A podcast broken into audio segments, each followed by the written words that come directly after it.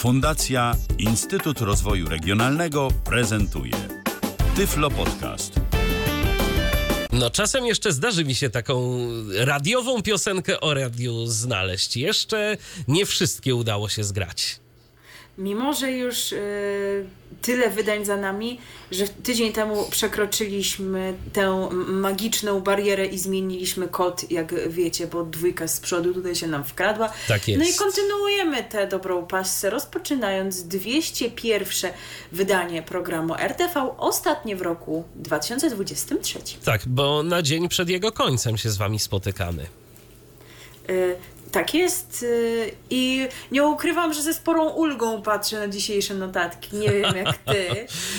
Ja szczególnie, wiesz, ja szczególnie na nie patrzę y, z taką ulgą, y, ale zastanawiam się, jakby to było, gdybyśmy się tymi notatkami zamienili. No dla mnie byłaby to rzeczywiście dość spora męczarnia, być może też co niektórzy słyszą, że ja się trochę męczę dziś mówiąc i to wcale nie jest efekt świąt. To raczej... czyli, czyli, taki prezent tak, tak.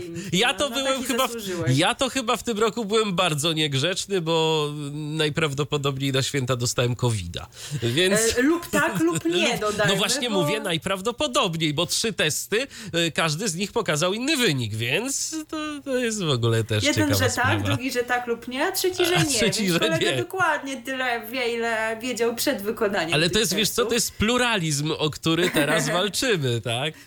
Tak, tak, nie, nie da się ukryć. Możecie typować w komentarzach, jak wam się wydaje, czy kolega ma jednak COVID, czy, czy owego COVID-u nie ma. tak. E, tak więc e, chociażby z, z, tego powodu z ulgą patrzymy na te notatki, ale też z tego powodu, że jeżeli się obawiacie, że znów 4 godziny wam zabierzemy z życia, no to spokojnie, nie, aż tak nie. tym razem nie będzie. Co prawda, będzie nam miło, jeżeli będziemy wam towarzyszyć w przygotowaniach do zabaw sylwestrowych, jeżeli takowe planujecie.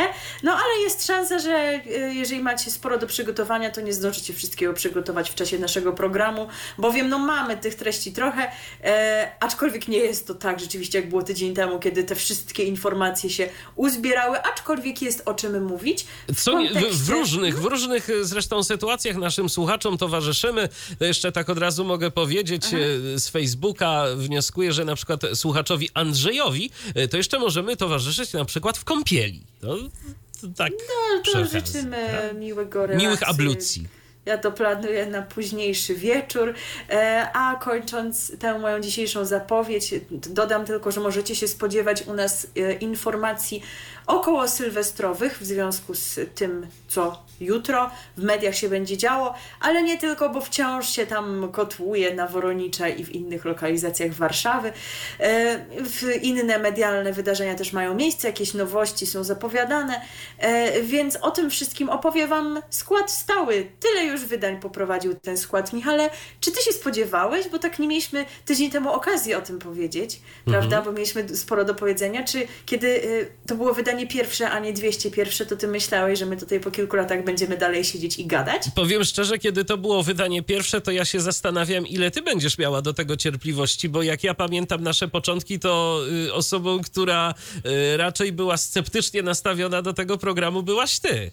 No nie da się ukryć. No, nie, nie, nie, będę tutaj udawała, że było inaczej, ale już też trochę naszych początków wspominaliśmy w wydaniu y, setnym i trzy czwarte, I trzy czwarte które powstało tak, tak. przy naszym poprzednim jubileuszu, więc nie będziemy się ciągle powtarzać, bo to nie, nie można ciągle tylko się, wiecie, zachwycać. Och, jak nam to wspaniale idzie, że już tyle wydań na koncie. Tylko Pozachwycamy się, robić... jak będzie tysiąc.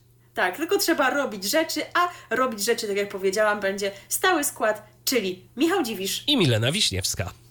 E, natomiast zacząć musimy od informacji smutnych, e, a ponadto jedna z nich będzie informacją zaległą, ponieważ e, musimy niestety przyznać, że w ferworze tych wszystkich wieści związanych z TVP, ze świętami, jakie spłynęły do nas w poprzednim tygodniu, jedna informacja, która była przygotowana, znalazła się tutaj w naszym folderze z notatkami, bo Michał ją opracował.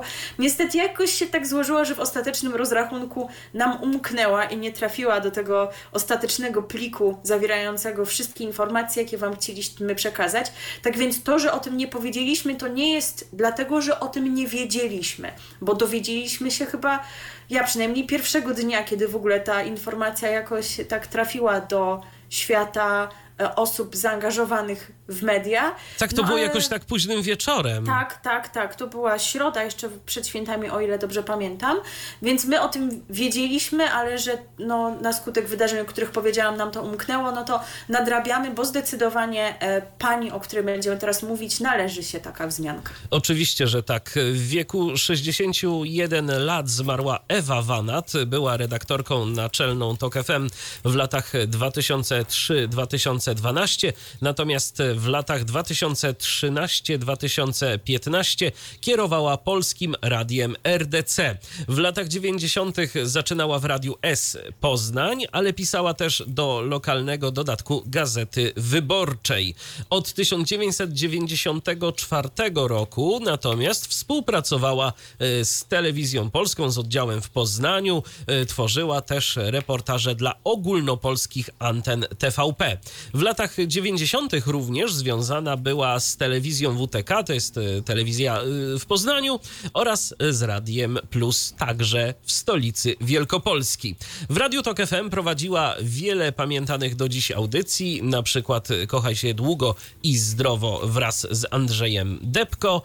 Z tym samym panem pisała też książki, na przykład Chuć, czyli normalne rozmowy o perwersyjnym seksie, a za książkę Deutsche Nasz, reportaże berlińskie, dostała nagrodę imienia Beaty Pawlak. W 2022 roku natomiast wydała y, książkę Pieprzyć wstyd, historia rewolucji seksualnej. Y, No, także taka y, to smutna informacja. Zresztą jeszcze pani Ewa też y, na swoim Facebooku y, miała okazję pożegnać się z, ze swoimi fanami, z tymi osobami, które śledziły jej poczynania w takim y, no, dość przejmującym, powiedziałbym, z, ze względu na jej stan zdrowia.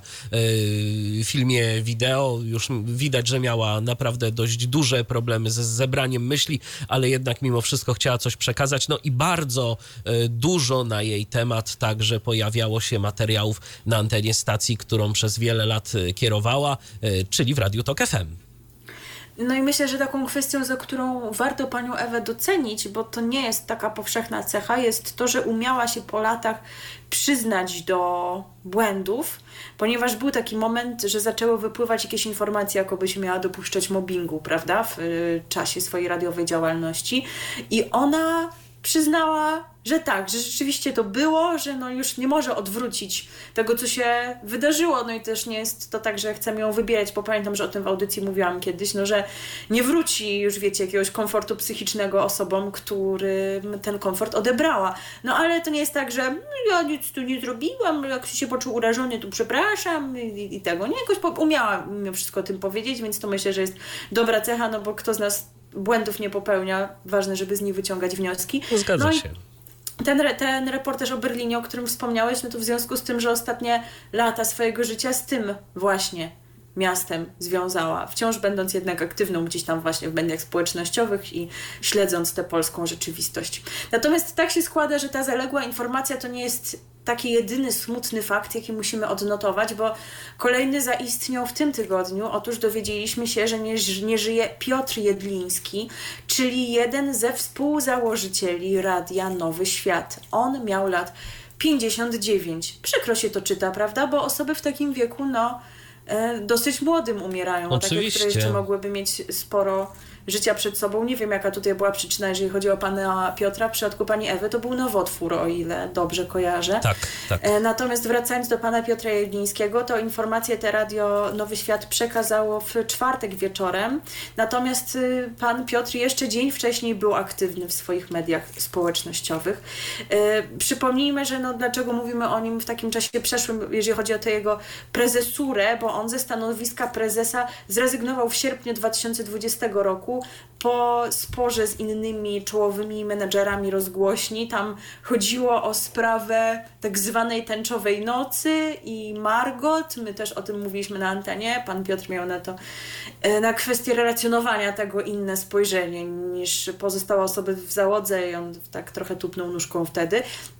Natomiast e, jeżeli chodzi o to, czym się zajmował wcześniej, bo przyznam szczerze, że ja za bardzo nie wiedziałam, on e, miał tę przeszłość taką bardziej jakąś korpo, bo zarządzał przez prawie dekadę biurem coworkingowym Clockwork oraz pracował jako specjalista do spraw rekrutacji w gruperze.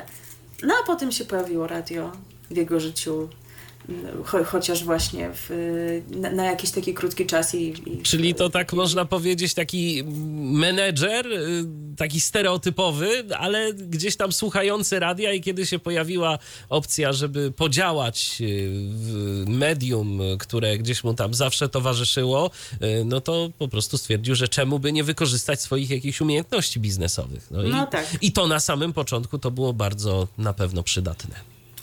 Oczywiście, więc no takie smutne informacje musieliśmy Wam tutaj przekazać. Nigdy nie ma dobrej puenty do tego, więc no pros prosimy o wybaczenie, bo przejść musimy do e, wydarzeń bieżących, tak. bo nie ukrywamy i wszyscy wiemy, czym teraz żyjemy.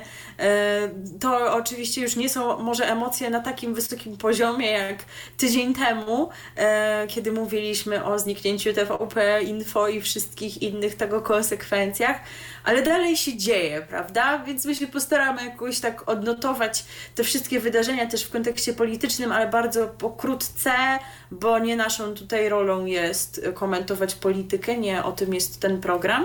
Chociaż no polityka tutaj się plącze w tych medialnych kontekstach też. Wszyscy teraz e... mówią, że trzeba politykę oddzielić od mediów i... Tak, ale żeby no to było takie, takie łatwe a dziać się zaczęło to w kontekście politycznym tak naprawdę, Michale, kiedy my prowadziliśmy nasz poprzedni program, prawda? No Bo tak. już wtedy gruchnęła pewna wieść, a my nie wiedzieliśmy o tym, bo tutaj żyliśmy opowiadaniem Wam o koncertach kolendowych. A w międzyczasie e, e, odezwał się był prezydent tego wspaniałego kraju, w którym żyć nam przyszło, czyli kraju nad Wisłą, czyli Andrzej Duda, który nam się udał, jak wiemy. I w związku z tym, że się udał, to zapowiedział, że zdecydował o zawetowaniu ustawy okołobudżetowej na 2024 rok, ponieważ zapisano w niej możliwość przekazania do prawie 3 miliardów złotych dla telewizji polskiej, polskiego radia i regionalnych rozgłośni publicznych, y, napisał, że nie może być na to zgody wobec rażącego łamania konstytucji i zasad demokratycznego państwa prawa. Y, czy my chcemy skomentować jakoś tę decyzję, bo tam wiele się potem pojawiło komentarzy też w kontekście innych rzeczy zapisanych w tym budżecie, podwyżek dla nauczycieli itd., tak itd. Tak Donald Tusk powiedział, że sobie poradzimy. I tak, no ale niewątpliwie jakoś pewnym grupom społecznym mogła ta zapowiedź zepsuć święta. E, nie no wiem, i pojawiały się takie komentarze, że rzeczywiście zepsuła. Tak. No więc y, tobie zepsuła? No, starałam się aż tak e, o, o, tym nie myśleć i cieszyć się chwilą mimo wszystko. W każdym razie może zostawmy już, wiecie, te kwestie budżetowe i co tam z tym dalej, bo e, tak jak mówiłam, to nie jest bezpośredni obszar naszych zainteresowań. E, nas interesuje e, ten wspaniały budynek przy ulicy Woronicza i ten drugi przy Placu Powstańców Warszawy. E, chciałam Cię, Michale, zapytać, co Ty byś powiedział na taką opcję, żeby zostać prezesem czegoś? Wiesz co? Generalnie nie miałbym nic przeciwko temu, pod jednym wszakże warunkiem, żeby to dało się jakoś później wyegzekwować, bo w zasadzie to ty też mnie możesz mianować teraz na prezesa czegoś, no ale jakby musisz mieć jakąś podstawę, żeby to uczynić. No ale myślę, że nie wzgardziłbyś tutaj jakimś takim stanowiskiem. Bo wiesz, ławka coraz krótsza, no, no, jeżeli tak. chodzi o telewizję polską, bo e, już wyjaśniamy o co nam chodzi. Bo to się w ogóle od Wigilii zaczęło dziać. 24 grudnia na podstawie uchwały Rady Nadzorczej Telewizji Polskiej SA niejaki Maciej Łopiński, a więc nazwisko znane, bo on już chyba kiedyś zastąpił był prezesa Jacka, jak tam te zawirowania były. Tak, tak, no ale tak. tym razem to on został delegowany na stanowiska prezesa zarządu TVP.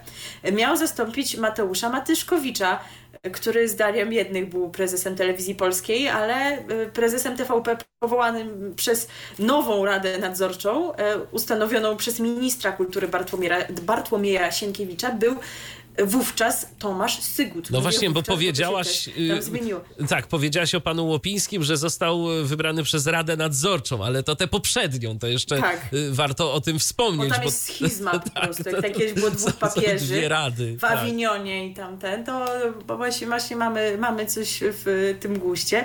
Ale e, tutaj dalej się coś dziwnego wydarzyło, bo minęły dwa dni, się jednak okazało, że ten pan Łopiński to nie.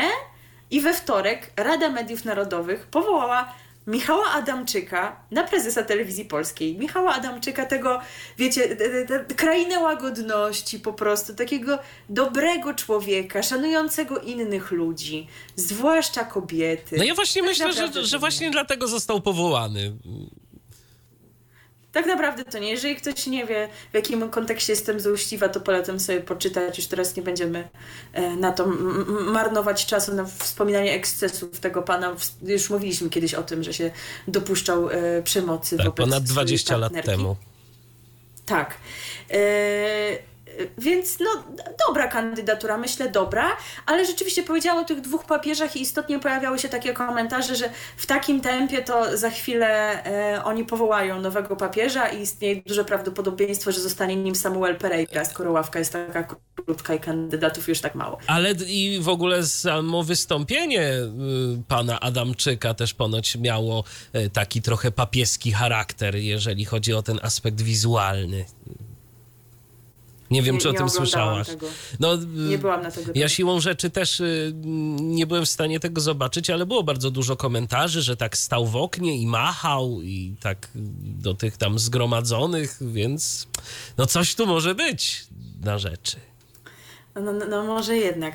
E, ale tego samego dnia, widzicie, święta się wydaje, że tam siedzimy cały czas przy pierogach śledziku. Cały czas jednak się działy rzeczy, bo wrócił kanał TVP3, ale jeszcze nie w takiej formule, do jakiej widzowie byli przyzwyczajeni, bo tam ramówkę wypełniono jakimiś kolendami, jakimiś serialami tureckimi i dopiero gdzieś tam powoli od środy zaczęły wracać i wracają wciąż, bo to się dzieje stopniowo i powoli, produkcje regionalnych ośrodków telewizji polskiej. Wrócił chyba Poznań jako pierwszy. Tak, dość szybko wrócił Poznań, to prawda. Wrócił też Kraków i to chyba na razie jest tyle, tak mi się wydaje przynajmniej. Dawajcie znać, czy coś wiecie na temat ośrodków z waszych regionów, czy tam już te programy lokalne są emitowane. Wróciło TVP3, TVP Info wciąż jeszcze nie. E, były takie zapowiedzi, że to się wydarzy między świętami a Nowym Rokiem, ale powoli, powoli. No bo minęły święta, skończyliśmy, wyjedliśmy te wszystkie serniczki z lodówek. Bartłomiej Sienkiewicz też zjadł, co, tam miał, nie wiem co lubi, czy makowiec, czy, czy tam inny, innego piernika. Zjadł i stwierdził, dobra, trzeba coś zrobić wreszcie w końcu. I tak oto, no się okazało, że nie ma e, pieniędzy na tę telewizję polską. W związku z czym minister kultury Bartłomiej Sienkiewicz postawił w stan likwidacji podlegające mu spółki Telewizję Polską, Polskie Radio i Polską Agencję Prasową. E, z, za chwilę może powiemy sobie trochę o personaliach, ale no tutaj komentarze w tym kontekście Znowu, my też unikamy jakichś takich bardzo fachowych analiz, bo jak Wam mówiliśmy, rok te, tydzień temu nie znamy się na prawie, nie znamy się na prawie y, dotyczącym spółek. A i to tak już jest naprawdę taki grząski grunt i gdzie nie poczytać, gdzie nie spojrzeć, te opinie potrafią być bardzo różne i wręcz y, zupełnie nie mające y, ze sobą żadnych punktów y, wspólnych i wszyscy się też, y, prawda, wypowiadają z jakiegoś takiego punktu widzenia autorytetów prawa bardzo często, więc to, no to nie są łatwe sprawy. No nawet prawnicy często mają na, te, na to różne spojrzenia. No tak, tak. Aczkolwiek opinia, która się natknęłam, że ten krok jest prawnie nie do ruszenia i dopisał im obecny poseł Giertych i jacyś tam inni specjaliści, że to jest nawet mniej dyskusyjne niż to, co się działo w zeszłym tygodniu. E, No więc to jest ta jedna rzecz. Niektórzy złośliwcy komentują, że po prostu, że Andrzej Duda dokonał jakiegoś samozaorania w tym kontekście, prawda, nie dając tutaj tego finansowania, więc skoro tak, to stawiamy spółkę w stan e, likwidacji. No tak, bo Więc- pieniędzy a- a- nie ma, no to co? i nie będzie. Więc Andrzej Duda nam zlikwidował media publiczne, ale właśnie, czy zlikwidował? Podstawowa rzecz, jedna, którą tutaj sobie trzeba wziąć do serca. Jeżeli ktoś pomyślał, o Boże, czyli wyłączył mi jutro telewizję publiczną i radio, skoro mamy stan likwidacji, stan likwidacji, to jak sama nazwa wskazuje, to jest stan, a nie coś takiego, że te spółki zostają likwidowane. A stan likwidacji pozwala na to, żeby dokonać tutaj restrukturyzacji w tych spółkach i może on trwać e, ile bądź będzie potrzeba po prostu. Są spółki, których stan likwidacji trwa ileś tam już po prostu lat, więc może też tak tutaj będzie, jeżeli taka zajdzie potrzeba, ale to jest właśnie jakiś taki przyczynek do tego, E, nie pytajcie z nas, jak to działa w szczegółach, bo tak jak mówimy, jesteśmy ignorantami w tej sferze, ale jakiś przyczynek do tego, żeby tutaj dokonywać E, restrukturyzacji. Ważne chodzi... są tak mhm. naprawdę dwie rzeczy w tym kontekście, wydaje mi się. Pierwsza rzecz to, a może nawet i więcej niż dwie, ale te, które mi przyszły do głowy. Yy, to pierwsza rzecz jest taka, że tu dotyczy ten stan likwidacji, jego łatwość, jakby z niego korzystania dotyczy rozwiązywania różnego rodzaju umów o pracę, więc będzie można tutaj sobie dość swobodnie żonglować pracownikami pracownikami i którzy tam nie będą mile widziani, to będzie można ich po prostu w łatwiejszy sposób zwalniać. E, to jest rzecz jedna. A rzecz druga jest taka, i to zostało też od razu yy, też zawarte w tym komunikacie ministra Sienkiewicza, że yy, no, taki stan likwidacji to można w dowolnym momencie yy, zatrzymać. Można tak. wycofać ten stan likwidacji, więc to jest też coś, co prawdopodobnie za jakiś czas zostanie zrobione, no tylko najpierw trzeba tam po prostu prostu posprzątać. Tak jest. I e, musi być ktoś do tego sprzątania. Jest likwidacja, musiał zostać powołany ktoś taki jak likwidator. I tak oto likwidatorem TVP został niejaki Daniel Gorgosz, czyli osoba pełniąca obowiązki dyrektora Biura Spraw Korporacyjnych TVP, a Polskiego Radia Paweł Majcher, czyli ten, który wcześniej został powołany na prezesa. Także tutaj w Polskim Radiu ten prezes został likwidatorem, w TVP nie, pan Gorgosz został likwidatorem, a z kolei pan Tomasz Sygut, który przez ponad tydzień był prezesem TVP zdaniem niektórych, a zdaniem niektórych nie, e, teraz będzie dyrektorem generalnym. Więc tak to wygląda, jeżeli chodzi o personalia, i pod tym znakiem nam upłynęła środa. Przyszedł czwartek, no i likwidator TVP dostał pewne szczególne zadanie. e, od posła Dariusza Jońskiego. Myślę, że też warto o tym powiedzieć. Jakby Wam było smutno w życiu, że macie za mało pieniędzy na koncie, właśnie, że nie będzie jakichś podwyżek, coś tam, coś tam, to e, likwidator TVP e, odpowiedział na pismo złożone przez wspomnianego Dariusza Jońskiego. Polityk w trybie interwencji poselskiej chciał się dowiedzieć E, od telewizji, ile w 2023 roku zarobiły cztery jej twarze, czyli wspomniany już Michał Adamczyk, najgodniejsza osoba na świecie, Samuel Pereira, e, Marcin Tulicki i Jarosław Olechowski. No i takie informacje uzyskaliśmy. No nie wiem, czy one to tobą wstrząsną, czy nie. Tak podaję, bo niektórzy właśnie, nie, niektóre mi wstrząsają, nie rozumiem dlaczego, więc po prostu sobie sami wyrobicie opinię, no nie? No bo ten pierwszy pan, czyli pan Michał Adamczyk, jako dyrektor telewizyjnej agencji informacyjnej, od końca kwietnia otrzymał niecałe 372 tysiące złotych brutto, ale to nie koniec, bo do tego doliczyć trzeba około 1 127 tysięcy złotych wraz z podatkiem VAT z tytułu realizacji umów cywilnoprawnych, czyli razem to daje nieco ponad 1,5 miliona złotych brutto. I ludzie mówią, że za dużo. No, dziwni, dziwni są ludzie, bardzo, zazdroszczą tak, po prostu. Tak, zazdroszczą talentu. Kto bronił zostać prezesem? Trzeba było wcześniej wstawać. I tyle. Samuel Pereira otrzymywał wynagrodzenie y, tylko z tytułu bycia wicedyrektorem telewizyjnej agencji informacyjnej. Natomiast co ciekawe, jego y, pensja była wyższa niż jego bezpośredniego przełożonego i to się nazywa ustawić się w życiu. Y, bo zarabiał jako... Bo on wstawał jeszcze wcześniej no ba, zarabiał właśnie z y, tytułu bycia tym wicedyrektorem więcej niż dyrektor Michał Adamczyk, czyli od y, końcówki kwietnia zarobił niecałe 439 tysięcy złotych brutto. Marcin Tulicki również był wicedyrektorem y, Telewizyjnej Agencji Informacyjnej. Na tym stanowisku zarobił od końca maja około 417 tysięcy złotych brutto. Do tego jednak jeszcze też trzeba doliczyć parę groszy, tam około 296 tysięcy złotych brutto z tytułu umów cywilnoprawnych, co łącznie daje kwotę około 713 tysięcy złotych.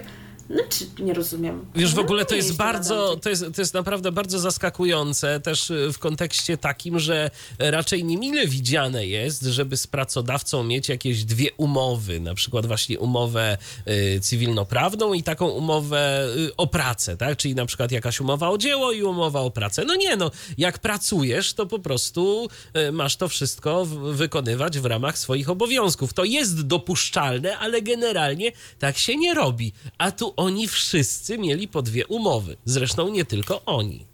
Tak, o tym mówiliśmy.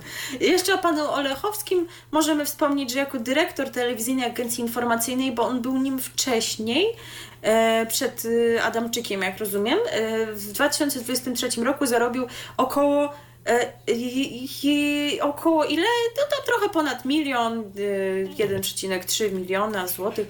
E, A jeszcze też były jakieś tam umowy cywilnoprawne i one mu zapewniły kolejne e, 407 tysięcy złotych brutto, co razem daje około e, te- też właśnie 1,3 miliona 424 tysiące złotych. No takie tam, no. No i potem No nic co, dziwnego, że te dwa miliardy, czy tam ileś, y, które TVP dostaje, to i tak powoduje, że są na minusie i, i i jest jak jest. No. Tak więc rozsądźcie sami. Okej, my tu Wam nie chcemy podrzucać żadnych interpretacji. E, w rytmie tych sensacji upłynął nam czwartek, ale też w rytmie oczekiwania na to, co się miało w piątek wydarzyć, bo zapowiedzi były takie w kontekście właśnie tego, co się wydarzy w piątkowy wieczór. No i się to dokonało. W piątek wieczorem powróciło do nas TVP Info. E, powróciło do nas wraz z serwisem 19.30. Nie wiem swoją drogą, czy Michale się zorientowałeś, ale dobra wiadomość jest, że chyba od czwartku. Oni, że tak powiem kolokwialnie, dali se siana i już nie dają w czołówce tej wspaniałej regułki z, z Wikipedii, czym jest program informacyjny. Brawo, Chyba założyli, brawo. że się, że się wszyscy zdążyli dowiedzieć. E, więc mieliśmy wczoraj 19.30 poprowadzoną przez panią e, Joannę Dunikowską-Paś. E, na, następnie pani Joanna, tak jak to drzewiej bywało, poprowadziła e, rozmowę po serwisie z generałem Waldemarem Skrzypczakiem w kontekście tych wydarzeń z tą rakietą, które wczoraj miały miejsce, a potem na antenie mieliśmy publicystykę to te- też wciąż, wciąż jeszcze nie funkcjonuje pod takimi konkretnymi nazwami. O tym nazewnictwie też sobie pewnie jeszcze powiemy, bo to nie jest takie pewne, czy zostanie zachowane to właśnie nazewnictwo, jakie mieliśmy za poprzednich czasów, e, czy wymyślą jakieś nowe nazwy, także na razie to jest po prostu publicystyka w TVP Info. E, I w owej publicystyce pojawiła się osoba, o której mówiło się, że jak najbardziej zadebiutuje w tym nowym TVP, że powróci do niego właściwie, ale e, będzie odbudowywać e, antenę e, programu drugiego telewizji polskiej, konkretnie program informacyjny, czyli Panoramę. No ale również na antenie TVP Info tego pana się można spodziewać. Mam na myśli Jarosława Kulczyckiego. On przeprowadził tam rozmowy, nie było tam polityków, tam byli eksperci, właśnie też w kontekście najpierw tym, tym militarnym, później była taka rozmowa o mediach publicznych, myślę, że całkiem ciekawa, też z łączeniem z panią z BBC. E, I my, aby tutaj e, odnotować to całe wydarzenie, aby też e, dla potomnych e, taki ślad jego pozostał, to teraz Wam pokażemy, jak się właśnie rozpoczęła publicystyka z panem Jarosławem Olechowskim i Kulczyckim, jakie, e, Kulczyckim. Boże, tak, on cały, oni cały czas są w mojej głowie. Tak. Tak, tak, tak, no. R- rozumiecie to sami, nie jest łatwo ich wyrzucić, wyrzucić, ale pan Jarosław Kulczycki teraz e, i jego przesłanie, jakie skierował do widzów, myślę, że przesłanie naprawdę bardzo fajnie sformułowane.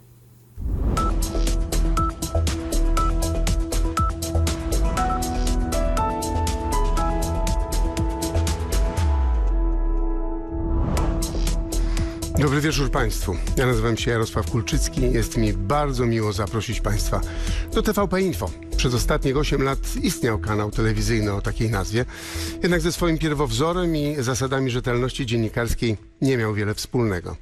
To się zmieni. Osobiście gwarantuję Państwu, że w telewizji polskiej w ogóle, a w telewizji, w TVP Info i programach informacyjnych TVP w szczególności, będziemy dawali głos wszystkim stronom sporu politycznego czy społecznego. Będziemy dochowywali zasad rzetelności i bezstronności. Będziemy na nowo budowali polską telewizję publiczną. Inaczej niż napisał pewien poeta, wierzymy bowiem, że co się podzieliło, to się może skleić.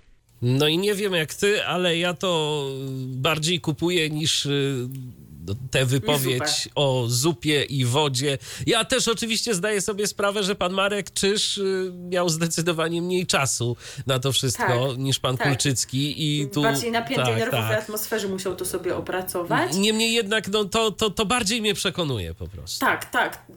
Moim zdaniem lepsze też by było, bo tak y, również Ci wczoraj napisałam w naszej prywatnej korespondencji, kiedy się szykowaliśmy do programu, jednocześnie oglądając to nowe TVP Info, że wolałabym, żeby taki właśnie komunikat został zaprezentowany widzom, e, którzy czekali na wiadomości, zobaczyli tam co innego, a przyszedł jakiś pan i zaczął gadać o zupie i w jakimś I takim, obrazie, wiecie, i wielo, wielopoziomowymi metaforami Tak, tak, tak. więc jakoś też przychylniej to odebrałam. E, rozmowy, tak jak powiedziałam, z udziałem ekspertów e, o, w takiej bieżącej tematyce, a e, po nich kontynuowano realizację programu takiego no, typowego dla stacji informacyjnej i pojawił się też pan, o którym się mówiło, którego spodziewać się możemy w 19.30, ale jeszcze tam nie miał okazji zadebiutować. Jak na razie mógł się wprawić tutaj w tych serwisach w e, TVP Info. Mam na myśli znanego widzom uwagi TVN Zbigniewa Łuczyńskiego. Także no miał sobie okazję pan popróbować. E, zdaniem moim i twoim, bo dzieliliśmy tę opinię, e, jeszcze troszeczkę tam chyba jest do potrenowania. Zwłaszcza te E. rozmowy z komentatorem, z y, przedstawicielem redakcji sportowej. Tak jakoś y, bardzo dużo miał do powiedzenia pan Zbigniew. To znaczy rozumiemy jego ideę, żeby y, to nie było tak, że wchodzi sobie pan od sportu i gada o tych skokach przez 3 minuty, tylko żeby wejść z, z nim w jakąś interakcję. A dlaczego to jest tak, że forma naszych skoczków jest słaba i tak dalej, i tak dalej. Tylko być może to wynikało z jakichś technicznych problemów, nie wiem, bo pamiętacie, że oni to jeszcze cały czas robią w warunkach spartańskich, nie mając dostępu do tego budynku na placu Powstańców Warszawy. Tylko robią to w jakimś tam studiu TVP World y, na Woronicza.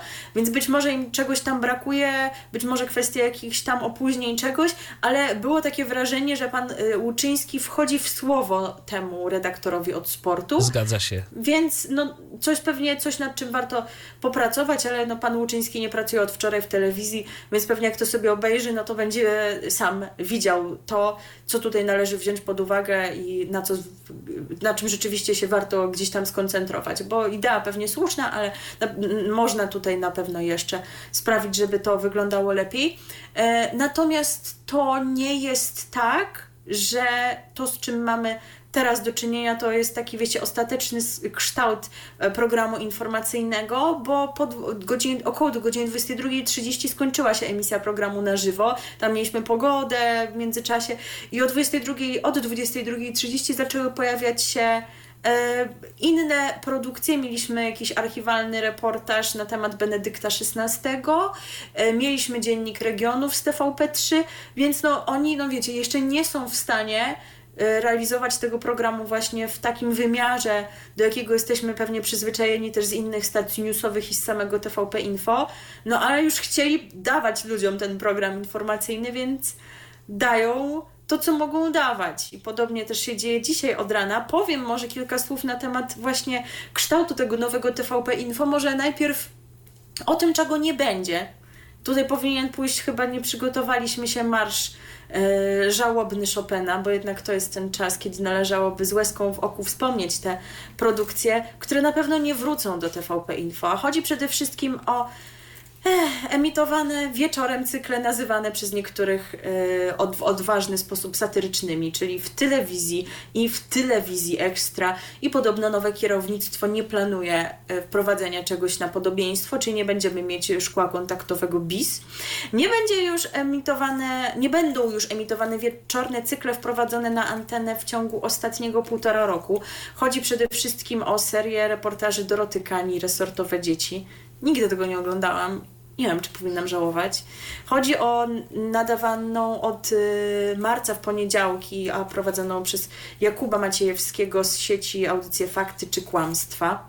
E, w, we, w, we wtorki od czerwca można było to oglądać. Chodzi o program Demaskatorzy z Wojciechem Muchą i Wojciechem Pokorą jako gospodarzami oraz śledczym okiem Piotra Nisztora z Gazety Polskiej w ramówce w soboty od lipca zeszłego roku ta pozycja była obecna. Ponadto z ramówki zniknął pokazywany w soboty rano magazyn Salon Dziennikarski, prowadzony zwykle przez któregoś z braci Karnowskich z sieci e, oraz e, znów odważnie określany infotainmentowym, czyli połączeniem informacji i rozrywki, cykl w kontrze, który prowadził Jarosław Jakimowicz, niegdyś, prawda, w e, ostatnim czasie to były Anna Popek i Agnieszka Siewiereniuk-Maciorowska. No ale w, moim sercu tutaj pan Jakimowicz będzie najbardziej wspominany, ale niestety panie nie mogły z nim wytrzymać, to się potoczyło jak się potoczyło. Od piątku do niedzieli można było tę wspaniałość śledzić, już jej tam nie będzie. Nie będzie też kolejnych odcinków programów Małgorzaty Raczyńskiej-Weinsberg w Otwarte Karty i Gdzie jest Pan Kogito. Oba od lat nadawano w Polskim Radiu, a dodatkowo na antenie TVP Info pojawiały się one od wiosny tego roku i mówiliśmy o tym. Pamiętam, że Michał Wam opowiadał o tym, że one tam trafiły. Ponadto zniknie wymierzony w fakty nie, na co powiedzmy to jeszcze raz. Ponadto zniknie wymierzony w szamanów zwiertniczej cykl. Tak. Jak oni kłamią. Emitowany od lipca przed głównym wydaniem wiadomości. Wspaniały to był program na zawsze w moim sercu. Nie zapomnę go nigdy. Y, Telewizja Republika powinna y, wprowadzić to na swoją antenę i tam e, tym razem mówić o szamanach z Woronisza. I wiertniczej, że to teraz taki kombinat się tak, zrobił po prostu. Ale, ale rozbrajać też właśnie 19.30 z poprzedniego dnia. Oglądałabym jak szalona, ale tak naprawdę to nie wiem, czy miałabym tyle samo zaparcia. I do telewizyjnej jedynki nie powróci też program Alarm, no bo on też zniknął wraz ze zniknięciem tych wszystkich pozycji informacyjnych E, on był nadawany od poniedziałku do soboty od 20.15. E, od roku 2018 ta informacyjno-publicystyczna audycja była obecna na antenie, bo tam różne były tematy. Jak się nadarzyło, to jakiś taki temat, wiecie, z udziałem jakiegoś celebryty, jakiejś gwiazdy się pojawił, bo się robił jakiś taki fajny odcineczek na weekend, a jak trzeba było, to się jechało po Monice Olejnik, więc do wyboru, do koloru teraz już nie będzie niczego, cytując klasyka. E, natomiast jeżeli chodzi o to nowe TVP Info, no to tak jak powiedziałam, to jeszcze nie jest taki ostateczny kształt. Autorskich programów w pierwszych tygodniach ma być niewiele. Czas antenowy wypełniał przede wszystkim pasma informacyjno-publicystyczne, więc tak wyglądał ten wieczór wczorajszy, który omówiliśmy. Tak też wyglądało to dzisiaj. Rano pani Joanna Dunikowska-Pasi znalazł 19.30 e, prowadziła ten, no, no coś na kształt poranka, ale mieliśmy tam serwisy, jakieś serwisy zagraniczne, coś takiego.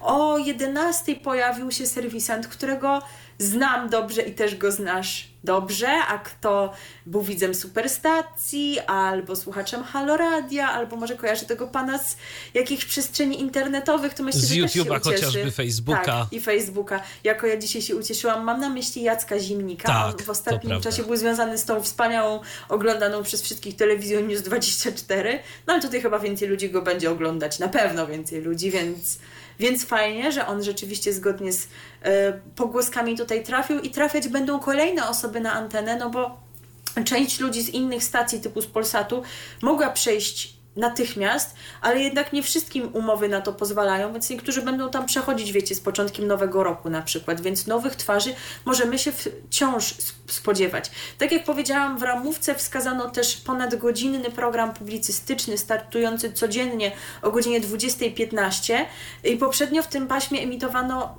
program Minęła 20. Poprzednio, czyli mnie się wydaje, że ta nazwa funkcjonowała jeszcze przed nadejściem dobrej zmiany. E, natomiast nie wiadomo jeszcze, czy zostanie ona zachowana, czy jednak będzie tu funkcjonowało pod jakimś innym szyldem. Bo w różnych źródłach pisze się o tym różnie. Raz, że wróci, raz, że nie wiadomo, a raz właśnie, że mają być te wszystkie nazwy, które były kiedyś. Minęła ósma, minęła dziewiąta, minęła dwudziesta. E, także, no, jeżeli dla Was jest istotna nomenklatura, no to musicie trochę poczekać, żeby się dowiedzieć.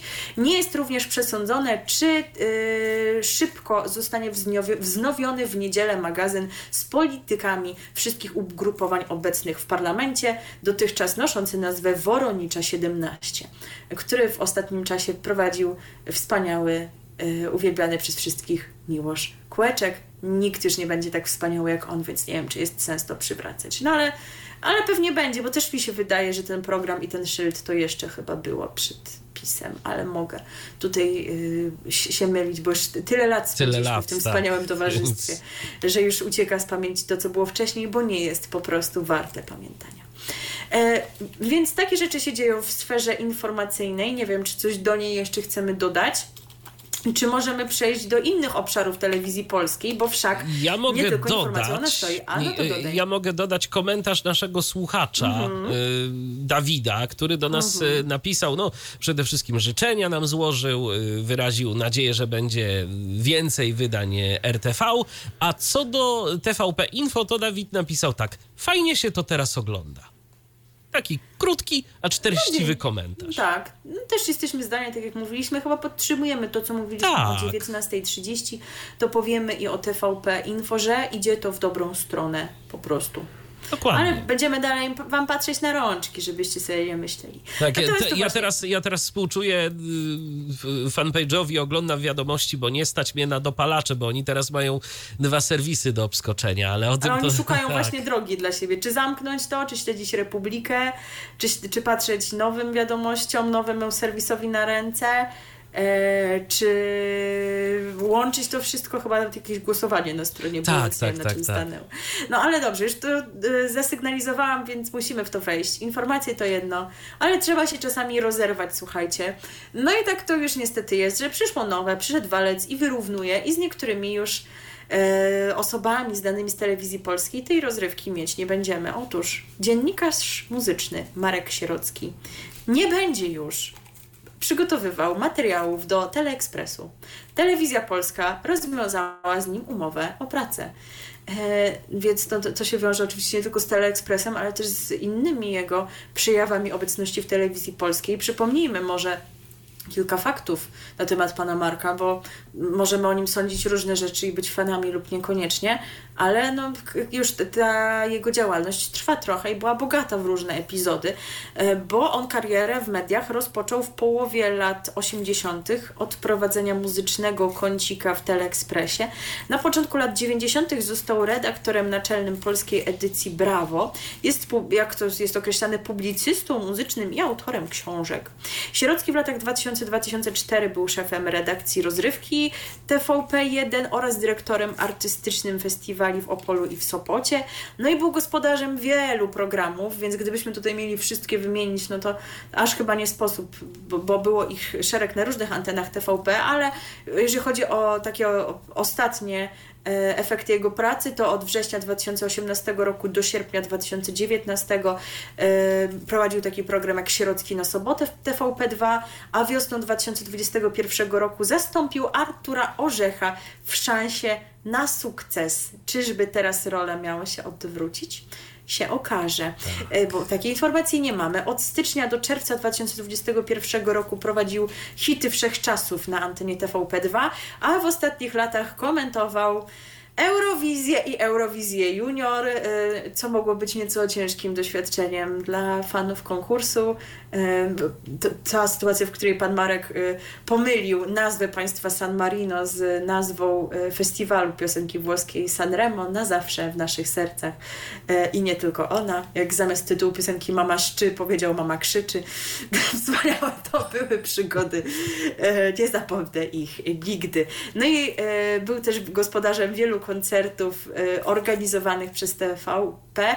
No tak wspomniałam tutaj pana Orzecha w kontekście tej szansy, ale czyżby właśnie również w kontekście tej Eurowizji to miało się odwrócić? Myślę, że pan Orzech by chciał, bo wiele razy o tym wspominał, że ta Eurowizja to był taki tak naprawdę jego znak rozpoznawczy. No i no okej, no niech wraca. Też tam popełniał błędy i czasami gadał głupotki, e, ale no, jeżeli w tym momencie nie mamy lepszej perspektywy, jeżeli chodzi o jakąś osobę związaną z mediami, bo wiecie, specjalistów od tematu jest trochę, ale jeżeli nie mamy lepszej osoby związanej z mediami, która mogłaby to komentować, no to, to niech wraca. To czemu no, nie? na, pewno, na pewno tych głupot będzie mniej niż to było w przypadku pana Marka Sierockiego, z którego zrobiono jakiegoś wielkiego eksperta od Eurowizji w ostatnich latach, a no sorry, nie był nim i nie ma nic w tym złego, bo nie każdy musi się znać na wszystkim, ale może w takim razie byłoby dobrze nie być pozycjonowanym na eksperta. Ale też warto dodać, że Sierocki współpracował z innymi e, nadawcami telewizyjnymi i radiowymi. Od 2012 roku prowadził wideo mix w Polo TV, e, a w latach 2007-2019 audycje muzyczne w Radiu Vox FM, od jesieni 2019 roku też cykle w Radiu Plus. E, tak więc, e, jak oceniasz tę decyzję? Czy tych ludzi od rozrywki powinno się zwalniać, czy przecież oni nie przygotowywali tych materiałów do wiadomości ani do TVP Info, więc co to tam przeszkadzało, że prowadzili koncerty? Y, To znaczy, wiesz co, powiem szczerze, mam takie mieszane odczucia. Tu na temat y, samego pana Marka, czy jest mi go szkoda? Powiem szczerze, jakoś nie bardzo. Nie, nie umiem tak, y, jakby wiesz, y, stwierdzić, a no kurczę, szkoda, że, że go już nie będzie, bo absolutnie za nim nie będę tęsknił. To, to tyle mogę powiedzieć. Natomiast tu, czy rzeczywiście tak się powinno robić, czy, czy faktycznie, to nie mam jednoznacznej opinii na ten temat, to tak powiem.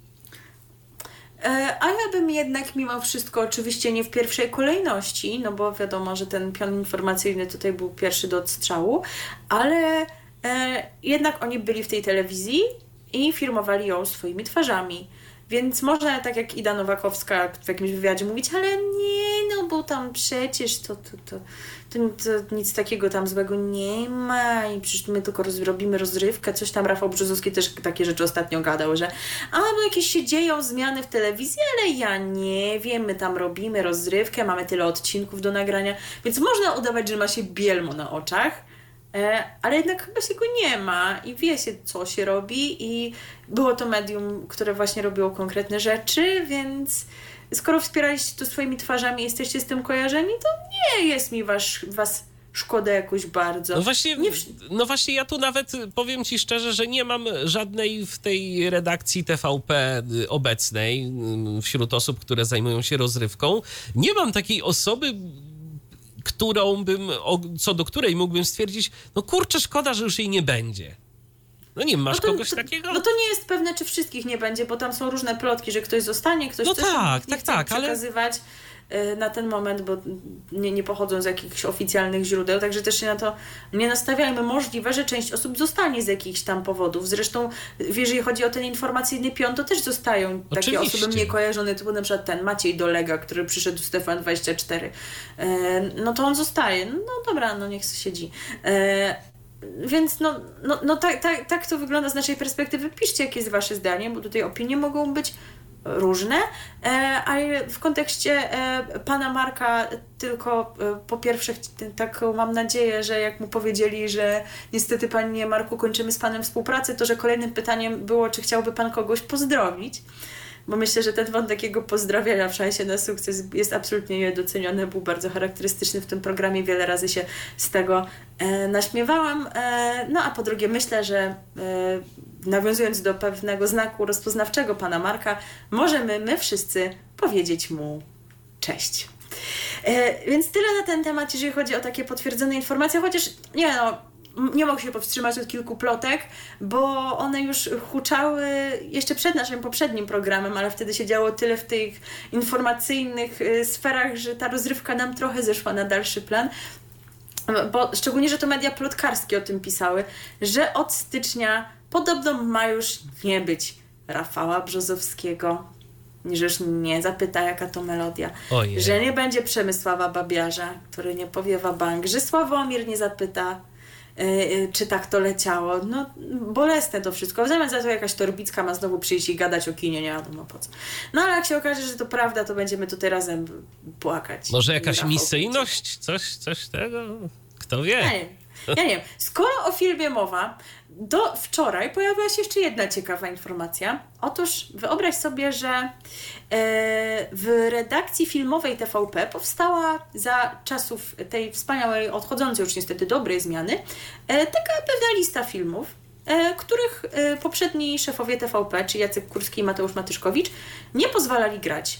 Było ich 17, to o, nie dużo. To nie, du nie, dużo nie dużo. Nie, nie dużo. Na przykład chodzi o produkcję w reżyserii Agnieszki Holland. No, ciekawe, czy no, pe, też nie wiem. Z udziałem na przykład Jedzie, Jerzego i Macieja Szturów. No, to też w ogóle nie wiadomo. Hmm, nie no, ale, ale, ale, ale, po co ich oglądać? No, brzydko się wypowiadali w różnych sprawach. A Krystyna Janda to jest zwłaszcza. Wystarczy, że musieliśmy oglądać ją w wiadomościach co jakiś czas, jak przywoływano ten, jej wypowiedź, że e, tu cytat, ja się czuję jakby ktoś na mnie, tutaj sobie dorzućcie, co, co tam ona mówiła.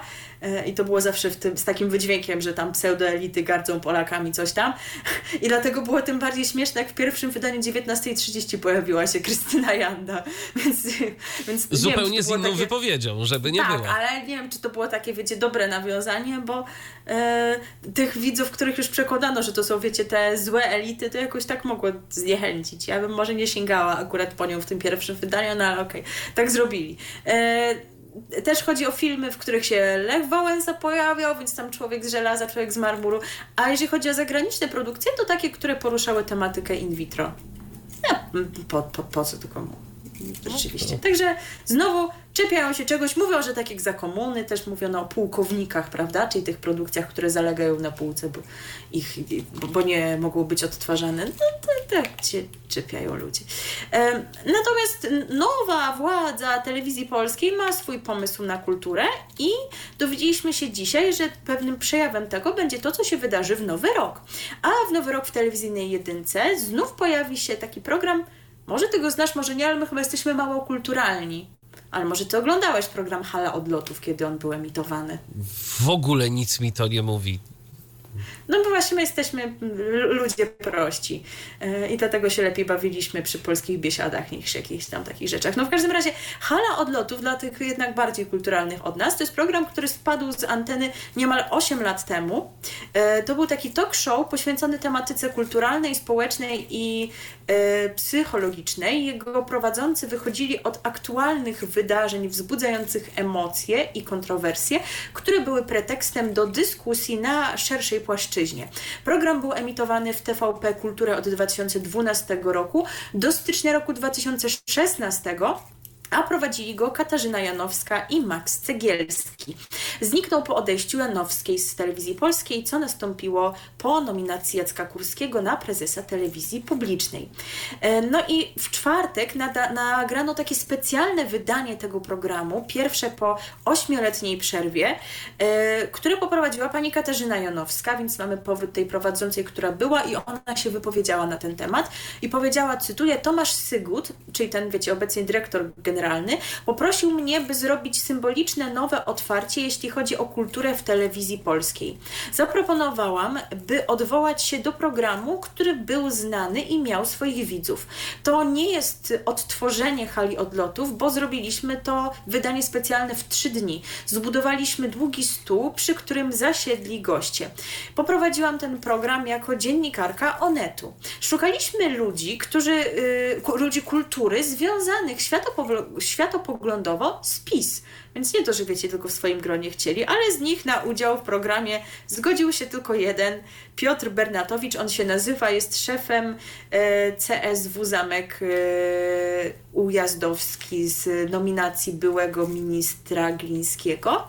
Natomiast jeżeli chodzi o pozostałych gośćmi, to e, zostali nimi Maja Kleczewska, Matylda Damięcka, profesor Aleksandra Przegalińska, Maciej Hamel, Daniel Rycharski, a także Andrzej Seweryn i Agnieszka Holland. No nie wiem, czy te wszystkie nazwiska znacie, ale no są to takie nazwiska, które się pojawiają na antenie e, Tele TVN24 czy innych podobnych mediów w kontekstach właśnie kultury i innych e, i których rzeczywiście dawno nie było można zobaczyć i usłyszeć w studiach TVP, bo jeżeli już się pojawiali w ostatnich latach, no to byli bohaterami jakichś tam negatywnych materiałów, prawda? Że Agnieszka Holland nakręciła ten okrutny paszkwil na Straż Graniczną i tam, tam inne takie rzeczy.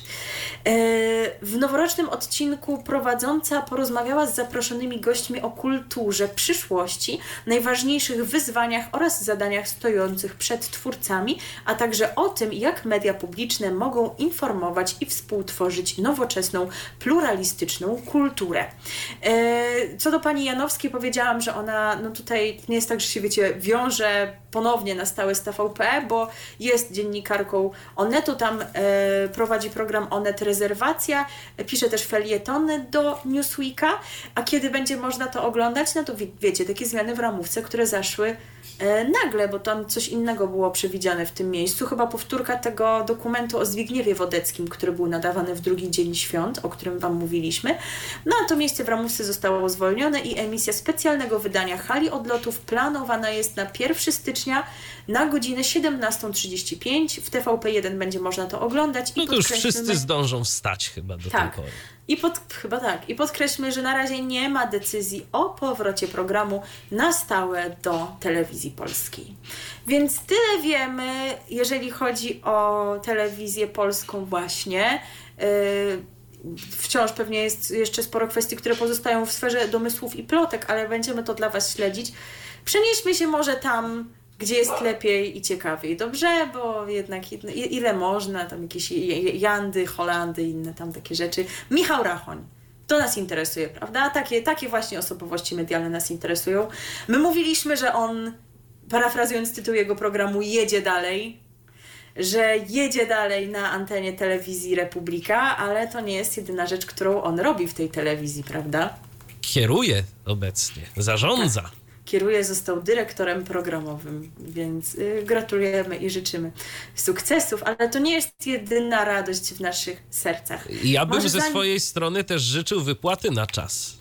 No właśnie, a nie, nie, nie tylko jemu, ale zanim powiemy, z czego wynika ta nasza radość, to może odtworzymy pewien plik dźwiękowy, który wczoraj pojawił się w mediach społecznościowych, w, telewi w telewizji Republika chyba też, bo ty, ty ich psychofanisz, więc ty możesz potwierdzić, że, że oni tam rzeczywiście chwalili się. Co chwilę, po prostu że, to, to, to szło tam co chwilę, to co Że to się wydarzy, więc może wam teraz nie powiemy, bo usłyszycie ten wspaniały głos, który się przedstawi.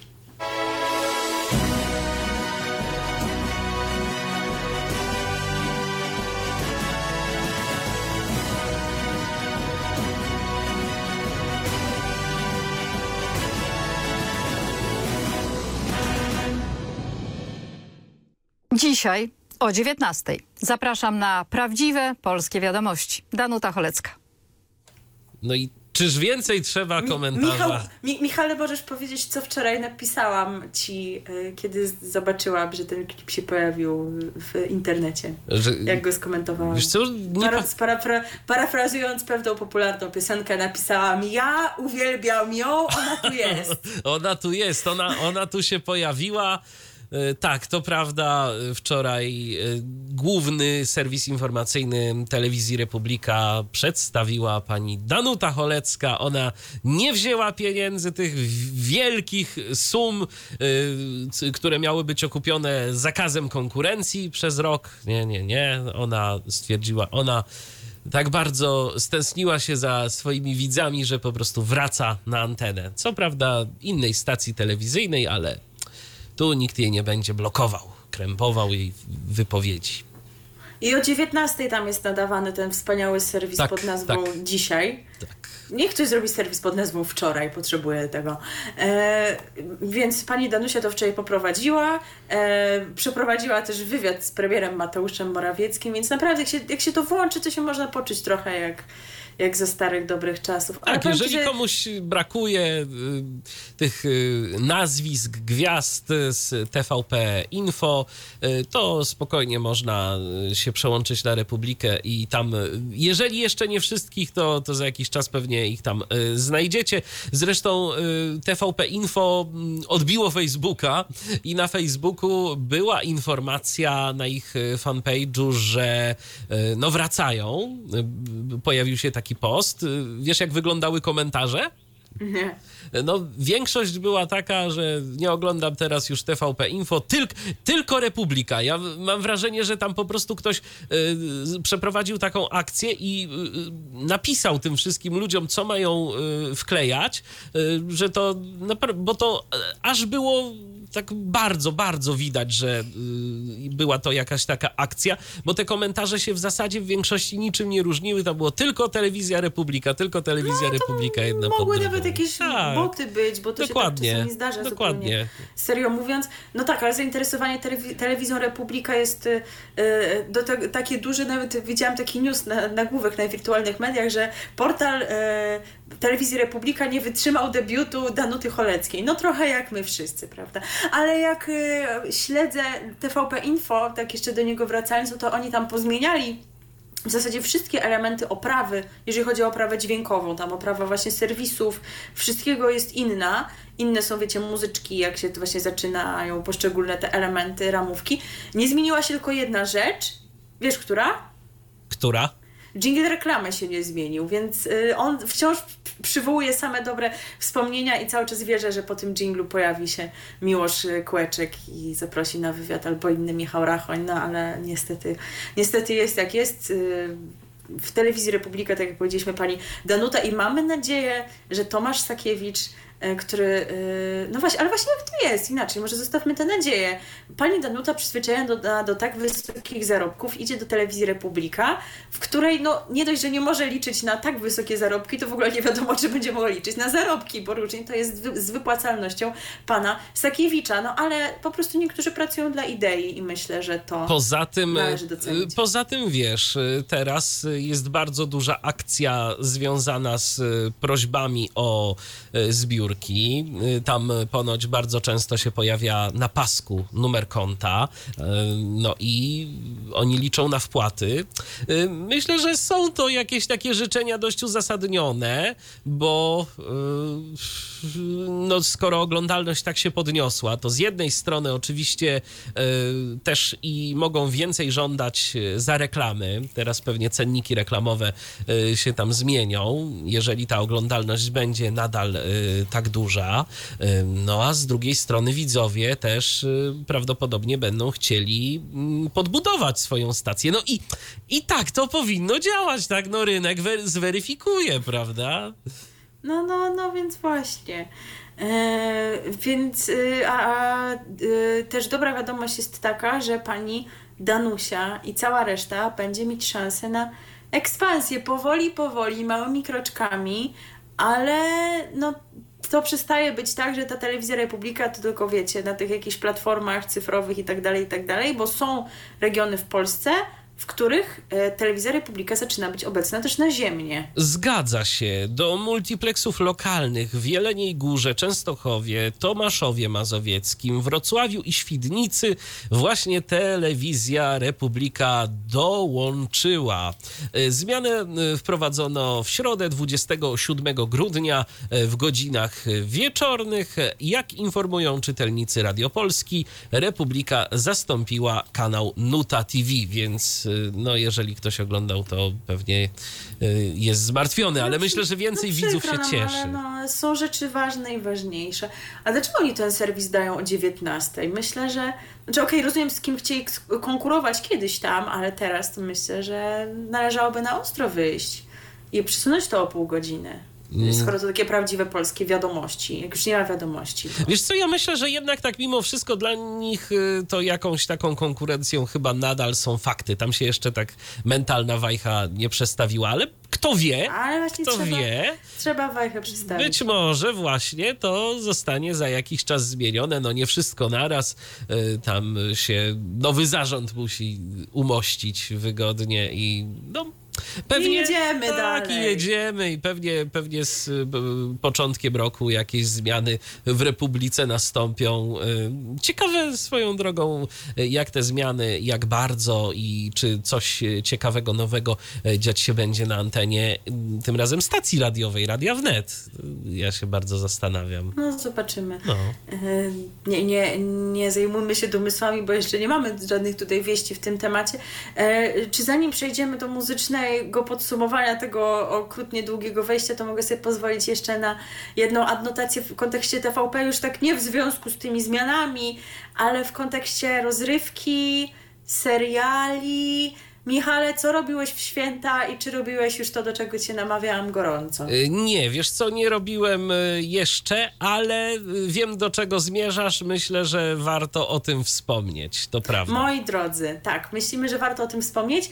Nie dlatego, że jesteśmy po prostu jakimiś frikami na punkcie jednej produkcji, ale no to była taka interesująca sytuacja z punktu widzenia no chyba jakichś licencji, że nie wszystkie seriale telewizji polskiej mogły być udostępniane w internecie od pierwszego odcinka. Bo na przykład taki M jak Miłość, to tam sobie wisi już długo, długo w tym TVP VOD, jest od samego początku. Na dobrej nazwy chyba nie ma, a przynajmniej nie było. Nie mam tutaj żadnej wiedzy, czy to zostało uzupełnione. Natomiast no, kwestia taka, w k- której e, sporo e, widzów i fanów cierpiało, e, no bo wszak już tyle odcinków powstało, że no, rzeczywiście to jest bardzo, bardzo dużo kontentu, no to jest kwestia serialu Klan. Bo my bardzo długo nie mogliśmy się doczekać w ogóle e, e, powtórkowych emisji w telewizji polskiej i ludzie, wiecie, rekonstruowali to, co się tam działo te 20 parę lat temu na podstawie własnych wspomnień, jakichś skrawków, odcinków zgranych z VHS-u. Dopiero od 2020 roku, od jesieni doczekaliśmy się tej emisji na TVP Seriale i też TVP Wilno i ona sobie tam idzie, idzie, wiecie, od pierwszego odcinka. Jesteśmy na odcinku 800 tam, nie pamiętam, coś koło 830 chyba. E, No ale wciąż tyle odcinków do nadgonienia. Dlaczego? Dlatego, że takim punktem startowym, od którego dostępne były odcinki na TVP VOD było 1300 coś tam. No, coś koło tego, 1400, tak, jakoś coś w tych okolicach. E, I wciąż nie udostępniano w internecie tego odcink, tych odcinków od odcinka numer jeden. E, tak, no podejrzewaliśmy właśnie, że to są kwestie jakiejś licencji, tego, że w latach 90. ktoś czegoś tam w papierach nie uwzględnił, no i teraz jakoś nie ma z tego wyjścia. Okazuje się, nie wiemy jak to się wydarzyło i co się wydarzyło, że wyjście jest, tak więc serial zaczął trafiać do serwisu TVP VOD od pierwszego odcinka, więc już udostępniono te odcinki, które doczekały się emisji w TVP seriale, więc co bardziej zagorzali fani, to mogli je zobaczyć, ale e, już wydarzyło się więcej, ponieważ przegoniono te emisje z TVP seriale i sukcesywnie, nie wiem czy codziennie, czy co kilka dni, ale jakieś tam porcyjki odcinków są wrzucane. E, więc jak ja się zatrzymałam, e, nie obejrzałam jeszcze tego wszystkiego, żeby była jasność, bo nie sposób po prostu czasowo się wyrobić. E, Zatrzymałam się na tym, że oni dodali do odcinka 975. Może jest już dalej, nie wykluczam. E, Ja w moim oglądaniu jestem na 890 chyba 8, czy jakoś tak, na roku 2005 już początku, kiedy to w okresie Świąt Bożego Narodzenia Michał Chojnicki wrócił bez pamięci, ale za to z nową twarzą. E, tak więc myślimy, że to jest informacja warta odnotowania, dlatego że były problemy z tym klanem i on jest, także możecie wracać do wspomnień i przypominać sobie te wszystkie przewspaniałe wątki. E, no ale przymiotnik przewspaniała to myślę, że dotyczy przede wszystkim jednej osoby. Na pewno się ze mną zgodzisz. To jeszcze tak słóweczko Mhm. tylko na temat klanu w najnowszym wydaniu post, podcasteksu. I- A, jest tak. tak. jest odcinek y, całkowicie poświęcony pierwszym odcinkom klanu, więc jeżeli chcecie sobie poprzypominać, y, co tam się wydarzyło na, pocio- na początku, no to posłuchajcie sobie ich. y, No myślę, Umarł że... Eryczek. Tak, no umarł Eryczek, to prawda. No i No my akurat fani to Między tutaj innymi. znamy te wszystkie Tak. detale, ale i tak jest się z czego pośmiać. Dobrze, bo ja tak cały czas próbuję i próbuję, a mi nie dajesz, a ja chcę wreszcie wprowadzić pieśń. E, bo Proszę przecież, bardzo. No przecież tutaj już poezja u nas była, ale teraz wszystko idzie ku dobremu. Już nie będzie tych pustek w domach naszych. Znowu będzie za wszystki mówiła i za wszystki śpiewała. E, I no, myślę, że zasłużyła na to wszystko, na to, że już kolejna pieśń ku jej czci powstała. My graliśmy wam ten zespół o tej dziwnej nazwie Latające biustonosze i w podobnym czasie powstała e, kolejna piosenka na jej temat. E, Piosenka stworzona przez tych, te, nie wiem w zasadzie co to jest, jakiś zespół, kolektyw, e, ci, którzy na Facebooku opłakiwali odejście, czyli wesołe piosenki o smutnych sprawach nagrane ciemną nocą w kiblu. E, Piosenka już może w związku z tym troszeczkę przedawniona, bo powstała właśnie w momencie, kiedy pani Danusia, bo o niej mowa, e, żegnała się z telewizją polską, kiedy i również i my tutaj antenowo łzy roniliśmy. No teraz, jak już wiecie, idzie to ku dobremu, e, więc no nie wszystkie tutaj te wersy będą aktualne tak w pełni, ale tak czy inaczej myślimy, że no, że jeżeli jej się należy, prawda? Więc teraz y, w telewizji e, Republika przypomnijmy, no a u nas właśnie w piosence. RTV. O radiu i telewizji wiemy wszystko. Gruchnęło, huknęło, a my jesteśmy z wami ponownie.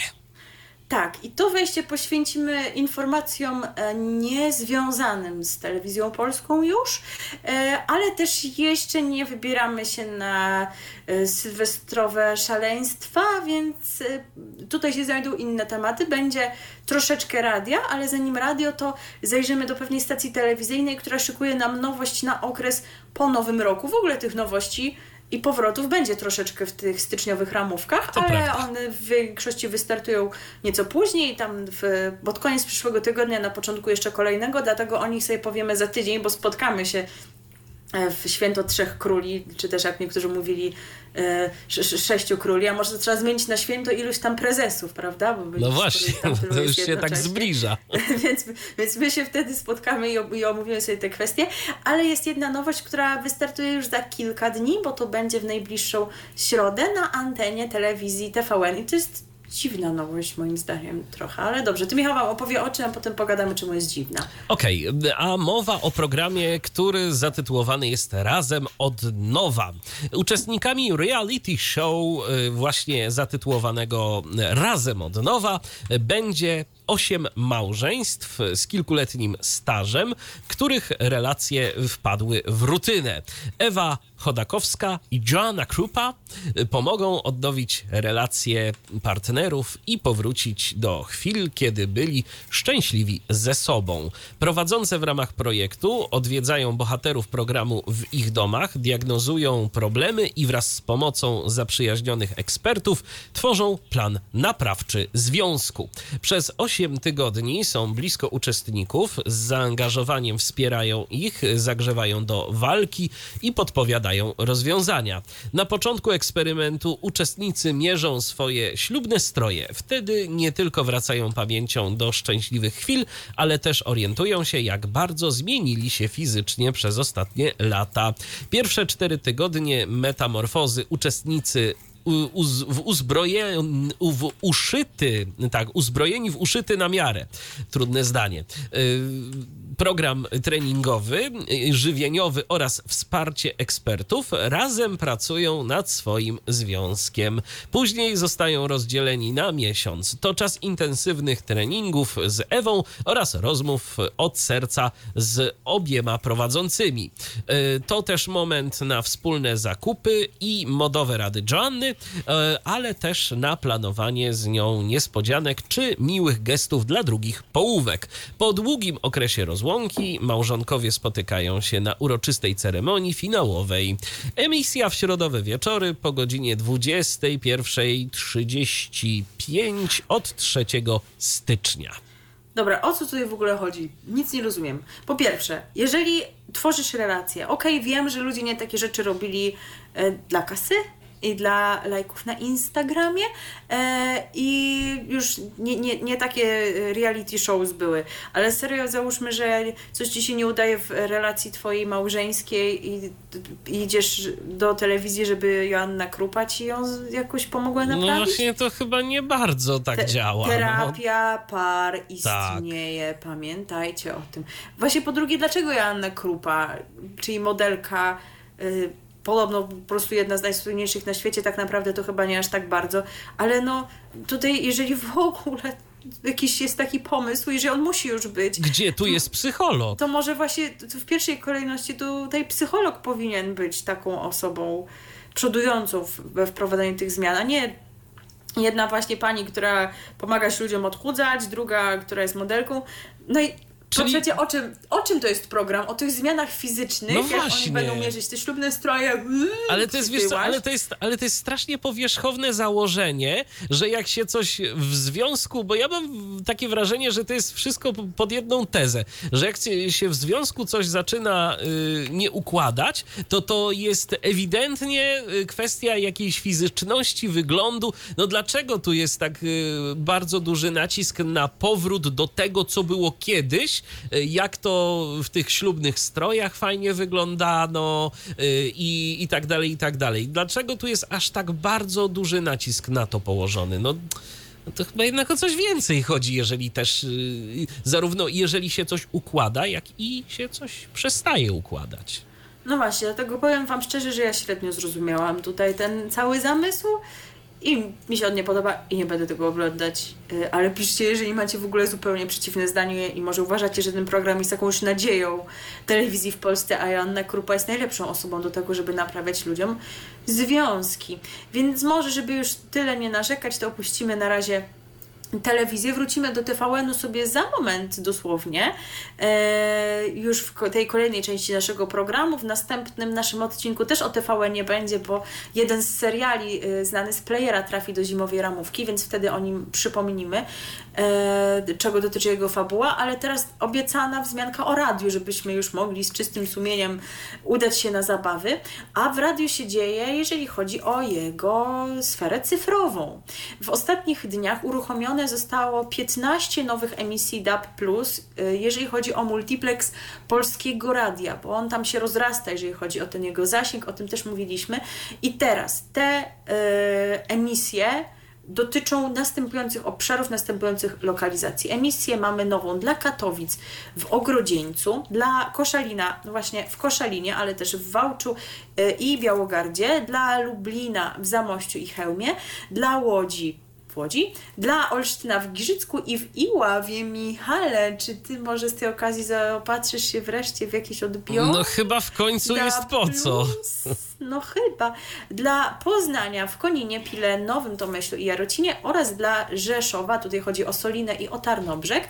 I wszystkie te emisje przewidziane są do, tak generalnie przewidziane do uruchomienia od 1 stycznia przyszłego roku, więc w związku z tym, e, jak tutaj nam Radio Polska o tym przypomina, aktualne parametry mogą jeszcze odbiegać od tych zadeklarowanych w przetargu, ale to nie jest wszystko to, co wymieniłam, bo te e, emisje, o których powiedziałam, to chyba w większości jakoś tak wystartowały jeszcze w, niejako w prezencie przedświątecznym, ale między świętami a Nowym Rokiem tutaj też się też jeszcze dzieje, bo w piątek 29 grudnia bydgoska wersja multiplexu zagościła w okolicach Grudziądza i Świecia, więc Grudziądz to jest kolejna lokalizacja i Słuchajcie, świeżynka, nowinka, bowiem kiedy się szykowaliśmy do dzisiejszego programu wczoraj wieczorem, to znaleźliśmy taką informację, że przed 1 stycznia uruchomiona ma zostać jeszcze emisja na górze Krzemianucha koło Suwałk.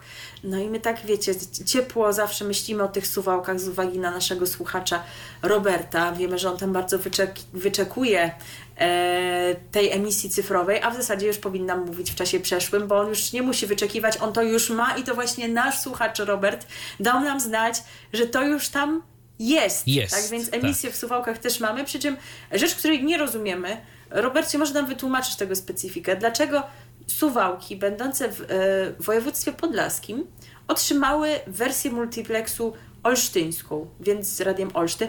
Tym bardziej, że o, o czym Michał mi wczoraj przypomniał, przecież jest tam takie, chyba jest wciąż, no nie? Takie rozszczepienie e, Studio programu. Radia Białystok właśnie realizowane dla stu, Suwałk pod nazwą Studio Suwałki. No to, to, to po co im ten Olsztyn? Jak to się... Nic nie rozumiem. No, ja też, ja też tego nie rozumiem. Zresztą Robert y, tu do nas też pisze y, y, a propos radia, a propos tego, mm, co się w radiu dzieje, bo też dotyka, dotykają zmiany, jeżeli chodzi o media publiczne, tego tak zwanego Audytorium 17. Natomiast tu Robert rzeczywiście zwrócił uwagę, że minister Sienkiewicz podjął decyzję chyba nawet nie o postawieniu w stan likwidacji tych spółek, ale o likwidacji. Ja teraz, y, ja teraz zajrzałem y, na stronę na przykład Radia Białystok, y, które właśnie informuje o tym, że y, te, że została podjęta decyzja o likwidacji tych spółek mediów publicznych, regionalnych. Więc to są no, ciekawe, jak to będzie wyglądało dalej. Czy te spółki zostaną jakoś przekształcone? Ja podejrzewam, że tak, no bo nie wierzę w to absolutnie, żeby nagle y, miało po prostu nie być y, rozgłośni regionalnych y, polskiego radia. No. W to, w to ciężko mi uwierzyć, nie, no nie. żeby, Ja- żeby coś takiego miało się wydarzyć. Na to na pewno jest, więc tam też się będą działy rzeczy lokalnie, tak więc jak generalnie nie zwykliśmy nawiązywać jakoś tak szerzej do tych mediów lokalnych właśnie z kręgu tego tak zwanego Audytorium 17, jakbyś- jakbyśmy mieli mówić, a że w Radiu Lublin coś tam, a w Radiu Kraków coś tam, to No w to ogóle ten program długie te programy by były. To tak, być, być może będą okazje, żeby tam zaglądać. Jeszcze w kontekście tego radia e, cyfrowego, no to wygląda na to, że to jeszcze nie jest koniec, bo też tam Radio Polska przypomina, że pozostałe lokalizacje e, przewidziane w przetargu, czyli chodzi o Łomże między innymi, ale też w Choczewie, w Rybniku, w Rykach, w Kamieńsku, w Sieciechowie, Elblągu i w Dębicy, to tam przewidziano uruchomienie na okres od 5 stycznia do 1 maja 2024 roku. Także też do cyfry będziemy wracać, jak sądzę, ale znów nasze ulubione zdanie mówi się o tym, że kończą się te częstotliwości analogowe, ale tam jednak coś w tym eterze co jakiś czas się dokonuje i zmienia. I tak oto się dokonało w Wielkopolsce, bo w piątek 29 grudnia uruchomiony został nadajnik Radia Poznań w Chojnie, nieopodal Gołańczy, skąd wcześniej już prowadzona była emisja trzech niepublicznych programów ogólnopolskich RMF FM, Radia Z i Radia Maryja. Sygnał nadawany jest na częstotliwości 98,3. Częstotliwość w tym rejonie Wielkopolski została e, zarezerwowana dla poznańskiej rozgłośni Polskiego Radia dokładnie 19 lat temu, 29 grudnia 2004 roku. I oni sobie na rocznicę o tym przypomnieli i to włączyli. Nie pytajcie nas, o co im chodzi, co się tam dzieje w tym Poznaniu. Może wy wiecie więcej, może nam dacie znać, że jest, jesteście z okolic Gołańczy, czy wam rzeczywiście ta częstotliwość pomogła w odbiorze, bo już chyba teraz łącznie 6 częstotliwości ma Radio Poznań i czy rzeczywiście, i, i jak oceniacie zasięg z tejże właśnie częstotliwości. E, Tym pytaniem zakończymy tę część naszego programu, bo za chwilę. Natomiast tutaj jeszcze zanim, Nie, jeszcze nie. tak, jeszcze zanim zakończymy, to tu mamy jeszcze wiadomości od naszego słuchacza Roberta, który do nas Tak. e, pisze e, intensywnie. E, Między innymi e, przesłał nam Robert taką informację e, o tym, że radio, Polskie Radio dla Ukrainy ma nadawać e, do jutra tylko. Natomiast e, jakie są dalsze plany na tą, na tę stację to y, również nie wiadomo, co będzie działo się z nią później. Natomiast jeszcze jedna taka informacja, tu Robert potwierdził, że także y, u siebie ma program Radia Olsztyn y, no, cyfrowo, w cyfrowej jakości DAB+. No dziwne to. Ale tak zdecydowali. Tak zdecydowali, Wszystko jest, tak. wszystko jest dziwne. Ta TVN-owska nowość też jest dziwna, ale i tak do niej nawiążemy muzycznie, a za chwilę, tak jak powiedziałam, wrócimy do TVN-u, już zmienimy outfity, jak to zwykle tutaj e, przystrojeni w serpentyny inne girlandy w szampańskich nastrojach. Opowiemy Wam o sylwestrowych planach stacji telewizyjnych i radiowych, ale zanim, no to właśnie o, o tym, o czym jest ten program chyba, bo on będzie jakiś dziwny razem od nowa. Tak. E, czyli o odbudowywaniu relacji, zaśpiewa nam dawno niewidziany i niesłyszany Kasa w utworze pod tytułem Pod tytułem Wszystko od nowa. Więc No teraz pasuje. posłuchajmy. Pasuje. DHT.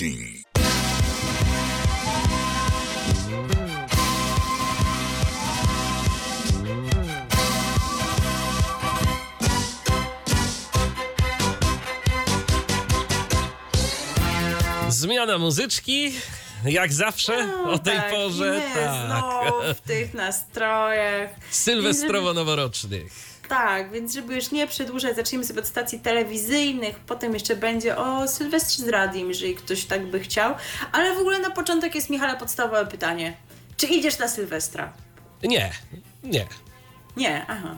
Czyli tak jak w TVN-ie. Czyli właśnie tak jak w TVN, nie bez powodu zadałam Ci to pytanie, bo tak naprawdę znałam już Twoje plany i wiem, że one są też spowodowane tą istotką, którą masz w domu i o którą się lękasz, bo ona się z kolei lęka, petard. Więc Tak może dla Ciebie będzie to, co dzisiaj jest w telewizji TVN, bo oni oprócz tego, że robią ten dziwny program z Janną Krupą, co ludziom naprawiać będzie relacje, to oprócz tego nie idą na Sylwestra, bo tak brzmi e, ten e, ty, tytuł e, pewnego widowiska, które dla nas szykują. Nie idziemy na Sylwestra, dokładnie takie nazna, nazwali, więc w tym kontekście mam ochotę zadać pytanie, drogi TVN, ty chwalisz się czy żalisz? Bo tak nie wiem właśnie, czy oni się, czy jest to takie chlubne ich zdaniem, czy jednak nam szkoda, no trudno powiedzieć. No chodzi o to, że telewizja telewizja TVN po raz kolejny w tym roku nie zorganizuje imprezy sylwestrowej, ale to nie znaczy, że tak w ogóle nic nie robią, bo stacja zdecydowała, że 30 grudnia, czyli dzień przed, robią taką, wiecie, Wigilię Sylwestra. Właśnie dzisiaj wyemitują koncert przedsylwestrowy. Jak informuje nadawca, ten niecodzienny pomysł to alternatywna propozycja dla tych, którzy w oczekiwaniu na nowy rok chcą pobawić się nieco wcześniej, bo w sobotni wieczór jest po prostu całe mnóstwo tych ludzi, którzy sobie myślą, ja tak nie sztampowo w tym roku w Sylwestra się bawić, nuda, ale dzień przed Sylwestrem, To no to, to. trzeba zapoczątkować No. ten nowy trend. Okej, też wiem, że to jest sobota, więc sobota może jakoś sprzyjać dojówką, domówką, ale mimo to jest to jakieś zabawne. Wiesz, jak ktoś ma zdrowie, to i od piątku może zacząć. A, tak, to ktoś ma, ale to już nie w naszym wieku, panie. E, czołowe nazwiska polskiej sceny muzycznej spotkają się tuż przed Sylwestrem, by wspólnie zagrać i zaśpiewać najpopularniejsze utwory w zaskakujących aranżacjach. Mamy tutaj mieć podobno prawdziwy miks gatunków muzycznych. Koncert będzie nagrany w studio, więc to taki, taka trochę bójda na resorach, że się spotkają tuż przed Sylwestrem, bo się spotkali pewnie jeszcze troszeczkę wcześniej. Jeszcze wcześniej, przed no. Sylwestrem. E, I będzie to mieć formułę wielkiej domówki, cokolwiek to znaczy. E, I e, wiemy, że, że mają tutaj zabrzmieć interpretacje największych przebojów imprezowych. Znów cokolwiek to znaczy, ale wiemy, kto je ma zaprezentować. No taki imprezowy skład, że bardziej się nie da. Na przykład Małgorzata Ostrowska oraz królowa wszelkich imprez Alicja Majewska. To znaczy nie ironicznie, ja bym się wspaniale bawiła na Sylwestrze z utworami Alicji Majewskiej, ale powiedzmy sobie to szczerze, nie kojarzy się ona tak wprost, prawda? Chociaż chyba na Sylwestrze Polsatu, czy jakimś takim, śpiewała jakiś czas temu, a i potrafi czasami jakąś tam biesiadną pioseneczkę wpleść w swój recital, więc może i tym razem. Ale też Natalia Schroeder, Waluś Kraksa Kryzys, Rubens, Mary z Polski, Wiktor Dyduła, Bartek Królik, Igo, Król, Wojtek Łozowski, Grubson i Nicponie. Nie wiem, kto to są Nicponie i nie robiłam tutaj researchu, żeby sobie zostawić taką niespodziankę na dzisiaj. Także przyznacie, że ten skład rzeczywiście taki, że po prostu tylko iść na parkiet, bo taki właśnie bardziej trochę alternatywny, kojarzący się właśnie z tym, co w TVN nie można zobaczyć. Trochę taki Sopot Festival, ten letni, no nie, ale z takim Sylwestrem wprost się tu nie kojarzy. E, koncert Nie idziemy na Sylwestra, przypominam jeszcze raz, oni nie idą, zostanie pokazany w TVN właśnie dziś w sobotę 30 grudnia o godzinie 20. I to będzie bardzo krótka sytuacja, bo patrzyłam dzisiaj w ramówce, jak sobie e, tak chciałam się dowiedzieć, ile to potrwa, żebym sobie mogła zaplanować wieczór. I wyobraź sobie, że film, który w ramówce został zaplanowany e, właśnie po tym, rozpocznie się już o 21.15. To szybko im to na- Więc naprawdę bardzo szybka domóweczka. Ja nie wiem, Szybka. jak to o was świadczy, że wy już o takiej porze Nie. się zmywacie. Ale mimo to mam podstawowe pytanie, czy nie można tego było serio pokazać w Sylwestra? Nawet nie trzeba było, wiesz, tego pokazywać, nie wiem, o 20, tylko dajmy na to, nie wiem, po 22, czy tam 23, żeby jakoś tak na północ im e, wypadł e, jakiś fragment tego koncertu. No, No nie, przynajmniej coś by tam mieli, a nie, że jakieś takie coś dziwnego na przekór, no bo co wy macie lepszego do roboty w tego Sylwestra? I tak będziecie jak, jakieś filmy znowu te same emitować. My wam nawet tutaj nie analizujemy tych ramówek w szczegółach, no bo co będziemy wam czytać jakieś nazwy filmów typu Sylwester w Nowym Jorku, coś tam, jak co roku jest to samo. Także dawajcie znać, czy nie idziecie na Sylwestra też i czy Z TVN-em. tym będziecie szaleć z TVN-em, a może wybierzecie inną stację, którąś z tych, która jednak idzie na Sylwestra i o których Wam powiemy za moment.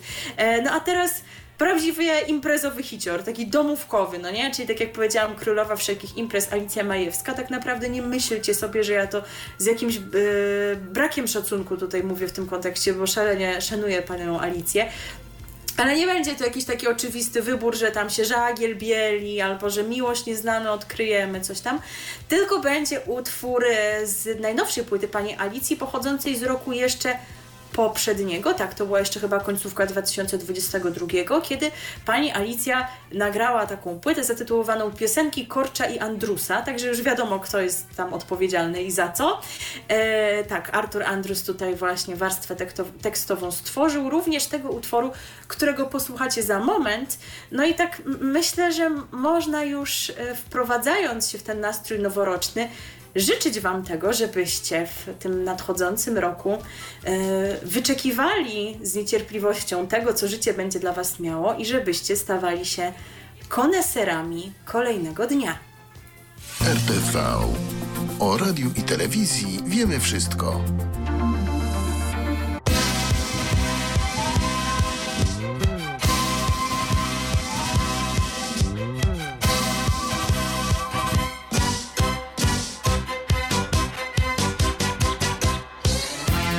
Był TVN i to tak jeszcze... Ja myślałam, że ty będziesz tutaj mi śpiewał te szabada bada bada bara nie, no, nie, nie, nie tym razem. To sobie No, bo, bo, bo, mnie, mnie to nie opuszcza, powiem szczerze. To nie jest fragment tekstu, który napisał Artur Andrus. Tutaj jednak Włodzimierz Korcz też umie pisać teksty. No. Raptajra, prawda? Raptajra. Więc, więc tak to działa, a teraz w tym właśnie rytmie przenosimy się do stacji, która obchodzi, która idzie na Sylwestra. Idzie na Sylwestra. Jutro tam o, idzie. Jak idzie, tup, tup. Y, Polsat y, i y, polsatowska sylwestrowa moc przebojów. Y, Polsat będzie transmitować y, Sylwestra z gorzowskich marsowych y, pól. I to już drugi rok z rzędu. Wcześniej przez kilka lat koncert organizowany był na samym Stadionie Śląskim, a jeszcze wcześniej w Katowicach na placu pod Spotkiem. Na scenie Polsatu w Chorzowie e, zaśpiewają Doda, Dawid Kwiatkowski, Enej, Majka Jeżowska, Phil, Golec Orkiestra, Lady Punk, e, Kajach, Bum Bum Orkestar i Fish Banda. No, takie To oni, że oni skają Tak, wystąpią, tak, no tak, nie? Tak. Bum, ten, tych bum bum, no to, to nawet ostatnio o nich coś mówiliśmy, ale fish bandy to ja nie, nie słyszałam. Widzicie, ile nowych nazw jest nic fish banda, ale to wszystko są urwi połcie, no. Będzie z Kolim, o to, to, to jest nic To po jest urwi To jest nic po. Będzie Trips, Kuba Szmajkowski, Oskar Cyms i Danzel, ale to nie wszyscy, to nie wszyscy, No słuchajcie. Denzel to jest po prostu taka światowa gwiazda, No. że zdajcie Państwu spokój, ale on tutaj nie robi za gwiazdę międzynarodową tego, Nie, prawda? za- Bo taka też będzie. Za gwiazdę międzynarodową, absolutną będzie robił Matteo Bocelli. Znowu przecież już był ten koncert bożonarodzeniowy. O co chodzi? Czy teraz zamieszkał w Polsce? Bo może Zygmunt Solosz y, lubi i dlatego. No, on lubi jego ojca, tak? No, No, ale to- że to jest sy- syn Andrei, prawda? On tam też ma No. swoje rzeczy na, na koncie, prawda? Jakiś tam a, a album i utwór napisany Przez Eda, Eda Sheerana, Sheerana, jego brata. tak. Nie, kogo to nie obchodzi. No, tak, także no, taka stacja, jakie gwiazdy, jakie gwiazdy, taka stacja. No, no sami widzicie. A jacy prowadzący? Y, Będą dwa duety. Marcelina Zawadzka i Krzysztof Ibisz oraz Agnieszka Kołodziejska z Radia Z i Adam Zdrójkowski. Y, Imprezę poprzedzi rozgrzewka o godzinie 19.30. Wszystko... Jakkolwiek należy to rozumieć. Y, Tak, wszystko się zacznie tak na antenie Polsatu chyba o 19.55. Y, Kolejne bloki będą startować co godzinę, a y, koniec wszystkiego wcześniej, to, to 25 po północy i już się można zwijać. No, potem będą transmisje jakichś tam, retransmisje jakichś dawnych ich koncertów z Sopotu, nie z Sopotu, tak, no ale tak te sylwestry się kończą, nie chcecie martwić, to jest taki niestety standard. Tak więc, no tam po prostu będą co godzinę reklamki, dlatego jak się zagląda do ramówki, to mamy, że 21 Sylwester, 22 Sylwester.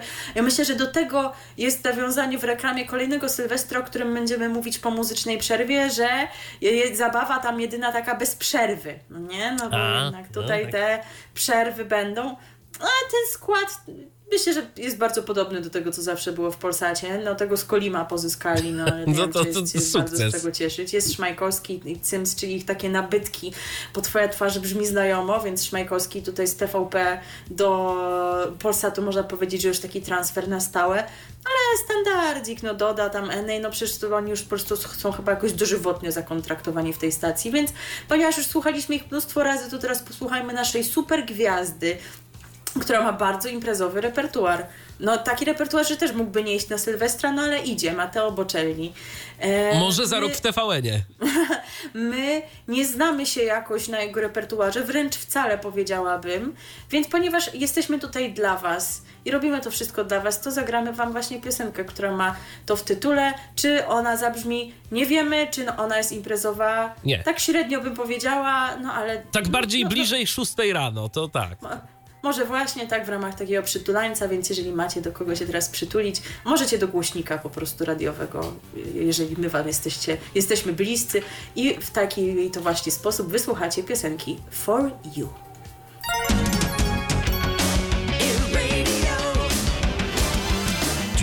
DHT.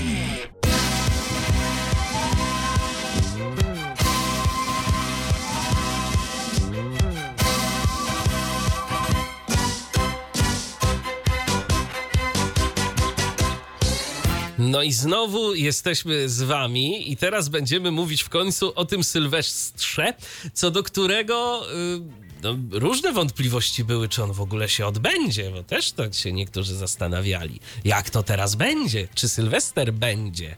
I tak No, ale i nie. No ale jest, chociaż sporo się zmieniło. Powiem Ci szczerze, że właśnie ja już jestem rozczarowana, bo mnie brakuje tego, co się działo w poprzednich latach. Już wiele razy o tym mówiłam w naszych programach, yy, że miałam pewien sentyment do tego, co się działo w okresie między świętami a Nowym Rokiem. Jak już dojadaliśmy tę rybkę, to się potem zaczynała akcja promowania Sylwestra Marzeń, taka szalenie intensywna. Jak się oglądało jak się oglądało po pierwsze TVP Info, po drugie wiadomości, to się nie można było absolutnie dowiedzieć niczego e, o tym, co się dzieje w Polsce i na świecie, tylko o tym, że jest stawiana scena w Zakopanem i że wystąpi tam Maryla Rodowicz i Zenek Martyniuk e, oraz, że będą gwiazdy międzynarodowe. Na przykład właśnie wspaniały był ten rok dwa lata temu. Mam nadzieję, że pamiętacie, że ty również pamiętasz, Michale, kiedy wszyscy czekaliśmy, aż wystąpi Jason Derulo Oczywiście. który wypełnił y, nawet większą niż połowa część wiadomości telewizyjnej jedynki, a jakieś tam inne tematy, że budują się jakieś drogi, to były w ogóle dopiero gdzieś tam pod koniec. E, No w zeszłym roku już chyba po tym, jak były jakieś zarzuty też chyba ze strony Krajowej Rady, e, jak i takich bardziej propisowskich dziennikarzy, oni stwierdzili, dobra, przesada, w sensie oni nam mówią, my się nie zgadzamy z tym, ale mówią nam, że przesadzamy, więc już nie będziemy dawać tego w takiej ilości do TVP Info, ani też do wiadomości, ale co nam szkodzi stworzyć specjalne wiadomości. E, I było coś takiego po normalnych wiadomościach, jak wiadomości sylwestrowe i tam, to dzisiaj mnie strasznie śmieszy nazwa wiadomości sylwestrowe i tam właśnie były te wszystkie rozmowy z reżyserem koncertu i inne takie rzeczy. Zresztą to się z Sylwestrem nie kończyło, tam dzie- dzień po też jeszcze przecież były te całe rozprawki o tym, jaki to był wspaniały Sylwester, a poza tym to A ile razy go można było obejrzeć potem? Ale pamiętasz, że pseudoelity do- zazdroszczą Polakom Sylwestra, był taki pasek kiedyś, bo Krystyna Janda i Hanna Lis coś tam, coś tam powiedziały. Aha. Także wspania- wspaniałe to były czas. Tęsknię, tęsknię. I co z tego, że teraz Sylwester jest? A może będzie niedługo to? Sylwester z Republiką? Rok temu robili tę paraszopkę, nie wiem czy pamiętasz, więc No, właśnie, może, mogliby może. wrócić do tego i nic o tym nie wiemy. Ale ty jesteś psychofanem, to ty tam mi będziesz donosił, co się dzieje. Ja aż tyle nie mam cierpliwości. No ja, ja ostatnio znowu dałem suba Republice na YouTubie. Oho, szalony. E, więc tak było, a jak będzie? No będzie inaczej nie tylko z tego względu, że reklama już nie ta, ale również nazwa nie ta, co była. E, bo co prawda przez długi czas była mowa o tym, że to będzie Sylwester Marzeń, tak jak miało to być. Natomiast w piątek dowiedzieliśmy się, że jednak e, Sylwester nie odbędzie się pod tym szyldem, tylko że wracamy do nazwy, która była obecna przed rokiem 2016, w zasadzie ostatni raz była w 2016 roku, czyli to będzie znowu Sylwester z dwójką. Bo e, te imprezy sylwestrowe, które stacja realizowała wcześniej, jeszcze przed dobrą zmianą, tam chyba we Wrocławiu, były właśnie nazywane Sylwestrem z dwójką i pierwszy Sylwester, który był w Zakopanem w 2016 roku, co tak wszyscy się troszkę natrząsali z duetu Martyniuk i Maryla Rodowicz, to, to jeszcze był Sylwester z dwójką. Dopiero od 2017 roku mamy tę wspaniałą nazwę Sylwester Marzeń, którą podobno wymyśliła e, Joanna Kurska i ona chyba tak nie bardzo chciała, żeby ta Tak, i nazwa ona miała taki apel nawet, że jak teraz wszystko zmieniacie, e, to też proszę zrezygnować z nazwy Sylwester Marzeń. Tak. No to zrezygnowali. Jest Sylwester z dwójką, natomiast y, jeżeli chodzi o osoby, które tam wystąpią, no to będą to te same, które były zakontraktowane. Za rok niech tam sobie robi nowa władza jakiegoś Sylwestra, jakiego będzie chciała. Pewnie to będą takie same nudy jak w tym TVN-ie, tam jakaś Kaja i inne tam takie będą występować. Ale teraz dla wszystkich ludzi, którzy chcą potańczyć, będzie taka opcja już, słuchaj, od 18.30. Mówiłeś, że Polsat zaczyna od 19.30 rozgrzewką. A ci o 19, o 18.30 startują czymś, co się będzie nazywało największe przeboje sylwestrowe. Sprawdziłam jeszcze dzisiaj w ramówce, to faktycznie dalej jest. Więc mam nadzieję, że jakby nam jeszcze później mało było występów Zenka wciąż tą samą piosenką, to nam po prostu zrobią taki miks tego, jak on śpiewała Oczy Zielone przez wszystkie inne lata. Przez ileś lat, tak. Tak, tak, tak. To swoją drogą on powinien nagrać tę wersję dla pani Danusi, że te o, oczy jak węgle. No, ale będzie to przez godzinę 20, bo o 19.50, czyli 5 minut wcześniej niż Polsat. Już widzicie, kto tutaj rządzi. Zaczynamy właśnie Sylwestra z dwójką. E, no i tak jak powiedziałam, to będzie bez, bez przerwy. No i, i dobrze. A co się konkretnie tam wydarzy artystycznie? Otóż głównymi gwiazdami na zakopiańskiej scenie nie będą w tym roku jacyś zagraniczniacy. Nie ma Jasona Derulo czy innego Black Eyed Peas, co tam by znowu była afera, że jakaś opaska tęczowa, coś tam. No i dobrze, po co nam, prawda? Nasi polscy artyści zrobią to dobrze. Na pewno dobrze to zrobi już, już rozmrażająca się Maryla Rodowicz e, oraz dwie kolejne, jak to niektórzy mówią, diwy, czyli Edyta Górniak i Justyna Steczkowska. Przy tej ostatniej pani się zatrzymamy na nieco dłużej, ale o tym może później, kiedy się będziemy zbliżać do przerwy muzycznej. One mają teraz, podejrzewam, ciężki czas, bo znowu na siebie gdzieś tam mogą wpaść. Tak, i rywalizują ze sobą i w ogóle. Ale obok nich pojawią się, jak to określono, najpopularniejsze wokalistki młodego pokolenia, a więc będzie Roxy Węgiel, będzie Vicky Gabry, będą trochę starsze, ale wciąż młode. Blanka, więc no ona tam będzie śpiewała, że jest jakaś Kaina Krejza, no i Daria znowu będzie o tym, że ma paranoję już się nie może z tej paranoi wyjść. A, a poza nimi wystąpią także Cleo. Ja na jej miejscu bym się obraziła, nie, że, nie została wymieniona wśród tych wokalistek młodego pokolenia, no ale życie jest brutalne. Sławomir i No oczywiście Zenon Martyniuk, wiadomo. Jakby jego nie było, to by trzeba było odwołać. Grupa Weekend, piękni i młodzi, ale też grupa Pektus znowu nas zabierze pewnie do Barcelony, no bo gdzieś trzeba. Thompson i Baron z zespołu Afromental, nie wiem czy ten zespół jeszcze istnieje, bo no ale dobra, w, w, tym w The Voice of Poland po prostu się zrośli, więc i tutaj muszą się pojawić zrośnięci. No a propos Edyty Górniak, no to jej syn ostatnio y, towarzyszył również wokalnie swojej mamie w czasie tego koncertu świątecznego. Śpiewał Fly Me to the Moon, no tutaj pewnie w innym repertuarze coś tak czuje Alan Krupaj zaprezentuje. Formacja Mike and Laurent, no przypomnijmy, że nie tylko syn Edyty Górniak jest utalentowany artystycznie. Panią Górnik i panią, Górniak i panią Steczkowską łączy więcej niż one by chciały bo również i syn e, Justyny Steczkowskiej, Leon Myszkowski coś tam działa artystycznie i właśnie w tej formacji Mike and Laurent, takiej DJ-skiej można go zobaczyć.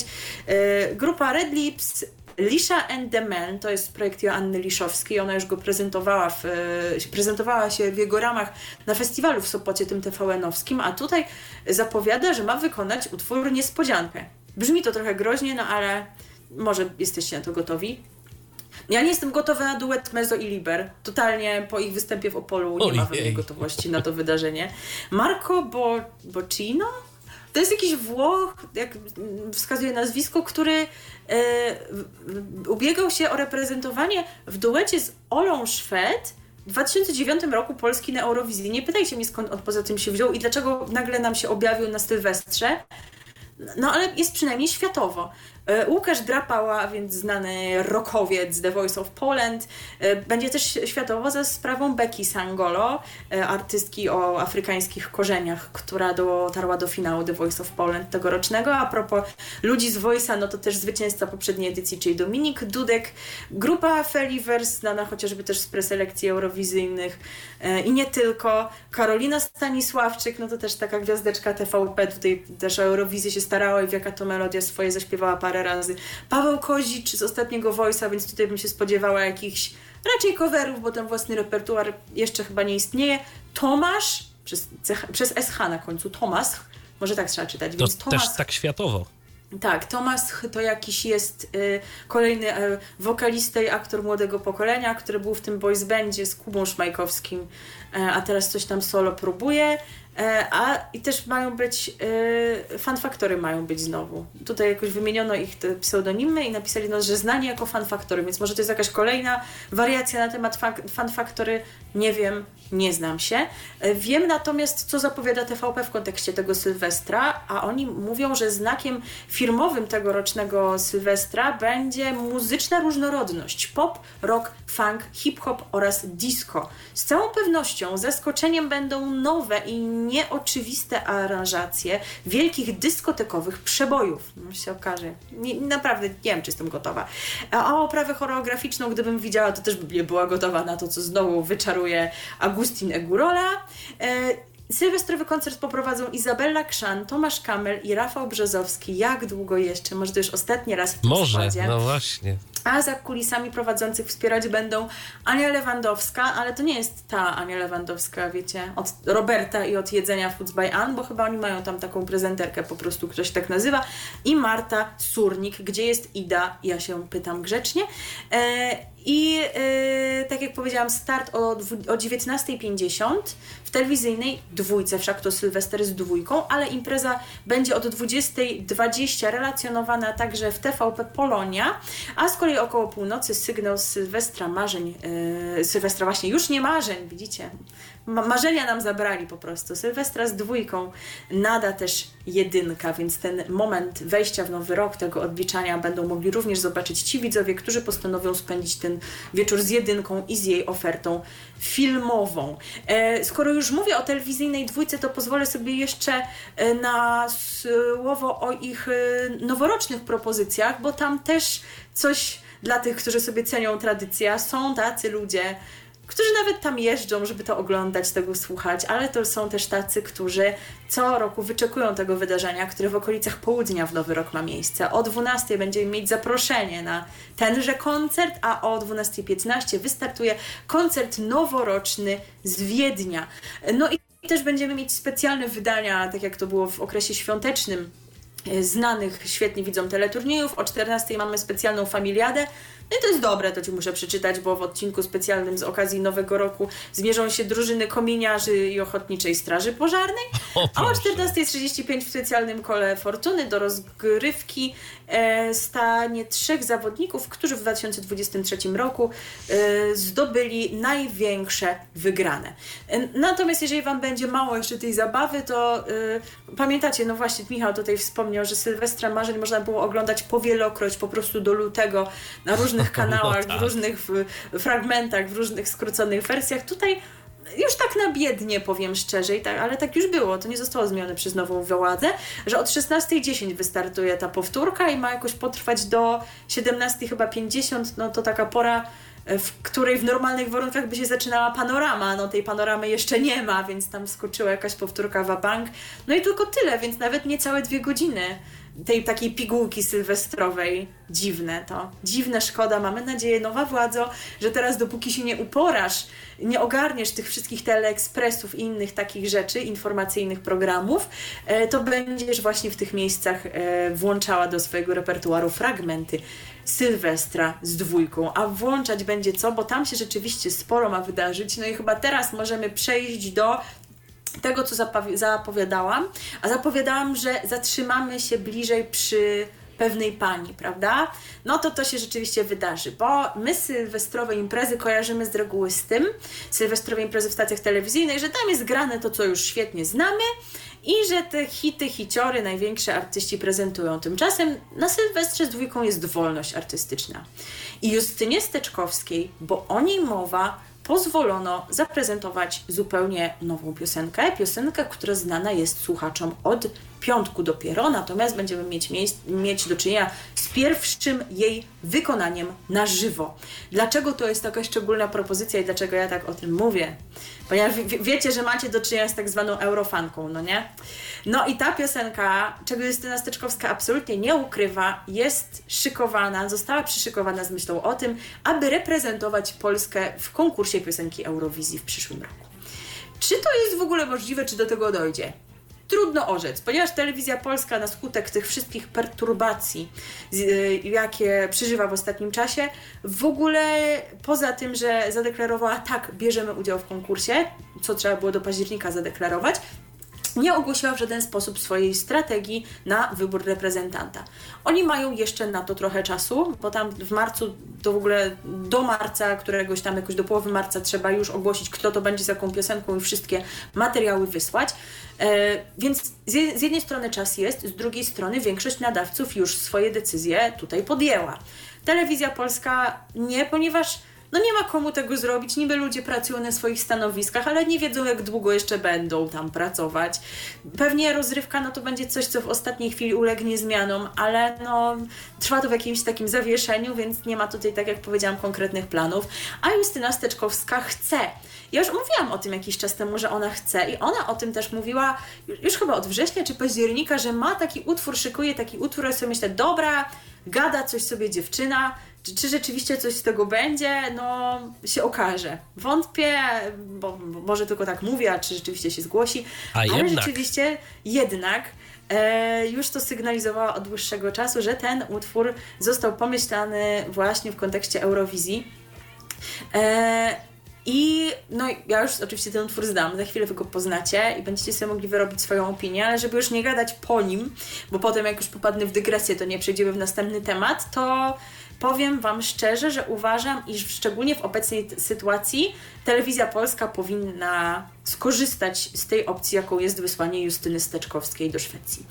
Tak właściwie to ja nie jestem zwolenniczką, nie lubię powrotów na Eurowizję, dlatego że e, wydaje mi się, że jest tylu artystów w każdym kraju, że fajnie jest zawsze, żeby pokazał się ktoś zupełnie nowy. E, kogo jeszcze nie mieliśmy okazji oglądać. Przypominam, że Justyna Steczkowska była na Eurowizji w roku mojego urodzenia i wtedy została niedoceniona z utworem Sama. E, znalazła się gdzieś tam pod koniec drugiej dziesiątki. Do dzisiaj są głosy sprzeczne. Jedni twierdzą, że w ogóle ten utwór zasłużył na to miejsce, drugi, że on wyprzedził swoje czasy i że gdyby pojawił się dzisiaj, to Justyna znalazłaby się wyżej. No więc dzisiaj Justyna ma szansę się odkuć, prawda, za tamto potraktowanie. Co więcej, byłby to taki historyczny przypadek, bo ona byłaby osobą powracającą na konkurs, oczywiście nie pierwszą powracającą, ale taką, od której obu występów na konkursie upłynęło najwięcej czasu. Więc byśmy mogli się tutaj zapisać w historii konkursu, bo nikt nie miał dłuższej przerwy niż 29 lat. Taką właśnie miałaby Justyna Steczkowska. Rekord tam jest chyba 26, o ile dobrze pamiętam. Jakiejś artystki z Grecji. E, e, więc to jest ta kwestia. Kolejna kwestia jest taka, że właśnie no nie ma komu pomyśleć o jakichś preselekcjach i innych takich rzeczach, a Justyna Steczkowska ma tutaj gotowy pomysł. Ona chce, nie wiadomo jak będzie z pieniędzmi, a ona by pewnie jakoś tam mogła, wiecie, o to zadbać. Ktoś by ją zasponsorował, nie jest już debiutantką. Więc kwestie, wiecie, scenografii, kostiumu, tego, żeby to było takie, jakie ona by chciała, ona by o to zadbała i ją byłoby na to stać. No i wreszcie co do utworu, też w mojej opinii, e, inaczej, to nie jest może najwybitniejsza piosenka na świecie, ale wydaje mi się, że warto z nią spróbować, bo też trochę miałam wątpliwości co do Justyny Steczkowskiej, bo nie jestem fanką jej najnowszego repertuaru.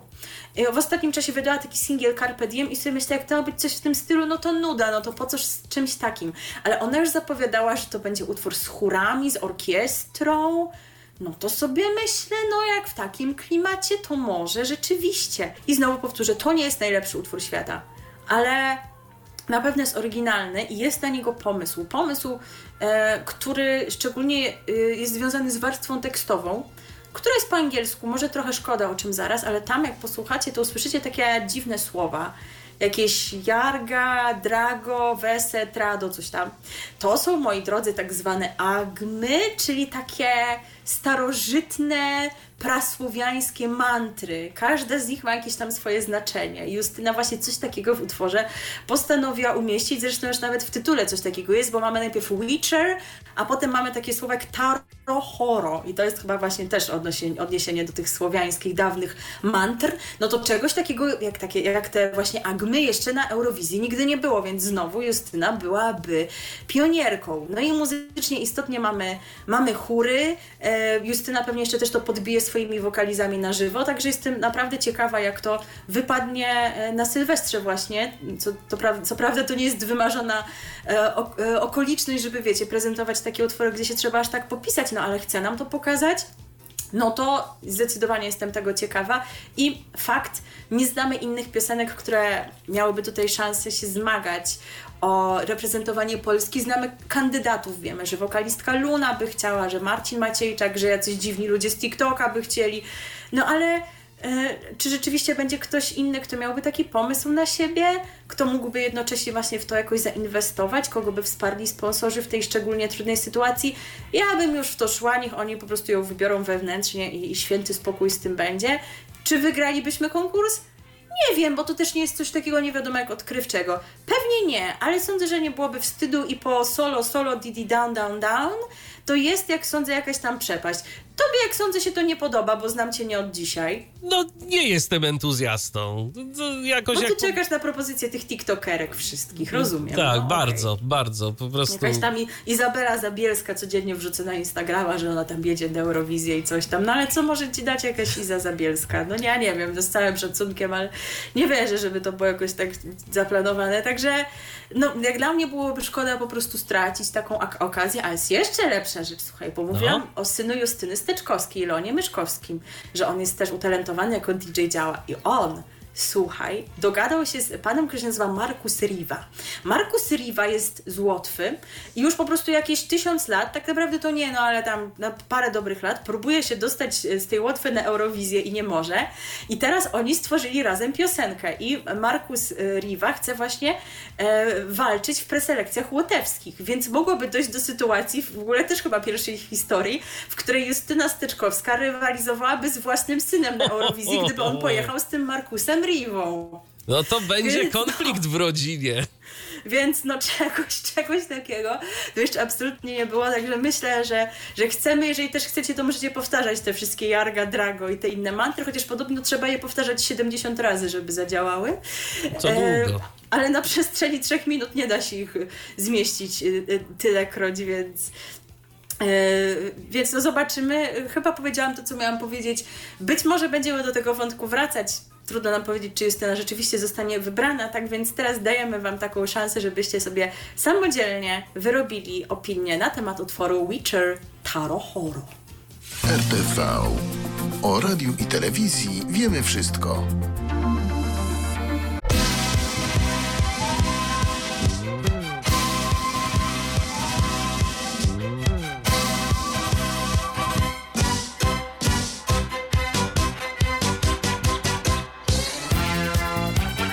Za nami tematy telewizyjne, no to teraz będą tematy radiowe, bo radio też się bawi. Jak najbardziej. E, my się bawimy, chociaż nie idziemy na Sylwestra, jak już zostało ustalone, więc być może swoim Michale dla Ciebie opcją będzie Radio Pogoda. Ty jesteś już też starszym panem, ja też, to sobie może coś dla nas, aczkolwiek to, do czego będzie nawiązywał Sylwester w Radiu Pogoda, to nawet chyba, nawet my jesteśmy za młodzi, żeby to dobrze pamiętać i też wie, ja przynajmniej o tym wiem, bo ja się jakoś mediami interesuję, więc wiem, że to istniało. Że było, tak, tak. Natomiast osoby starsze ode mnie, jak wymienię takie trzy nazwiska, Krzysztof Szewczyk, Wojciech Pijanowski i Włodzimierz Ziętarski, to wy już wiecie co. Autorzy i gospodarze kultowego programu rozrywkowego Jarmark poprowadzą wieczór sylwestrowy w Radiu Pogoda. Audycja Sylwester z Radiem Pogoda wystartuje o godzinie 20 i skończy się w nowym roku. I ma potrwać ponad 4 godziny, czyli też pewnie przywitają nowy rok i papa. I sobie A, pójdą. Tak naprawdę spoiler, pewnie nagrali to wcześniej. No, to na e, pewno. Nie, bo jednak Radio Pogoda przyzwyczaja do takich standardów. I oni na antenie, e, i na antenie pod e, właśnie dzięki ich obecności królować będą sport, muzyka oraz gry. Kto czytał naszą facebookową zapowiedź, to mógł się spodziewać, że jakieś nawiązanie do tego kultowego cytatu do tej kultowej piosenki się pojawi. E, nie zabraknie wspomnień z legendarnego programu Jarmark, najpiękniejszych melodii, z których słynie Radio Pogoda i zabawnych anegdot. A przypomnijmy właśnie dla, dla słuchaczy takich w naszym wieku i młodszych, co to ten Jarmark takiego jest.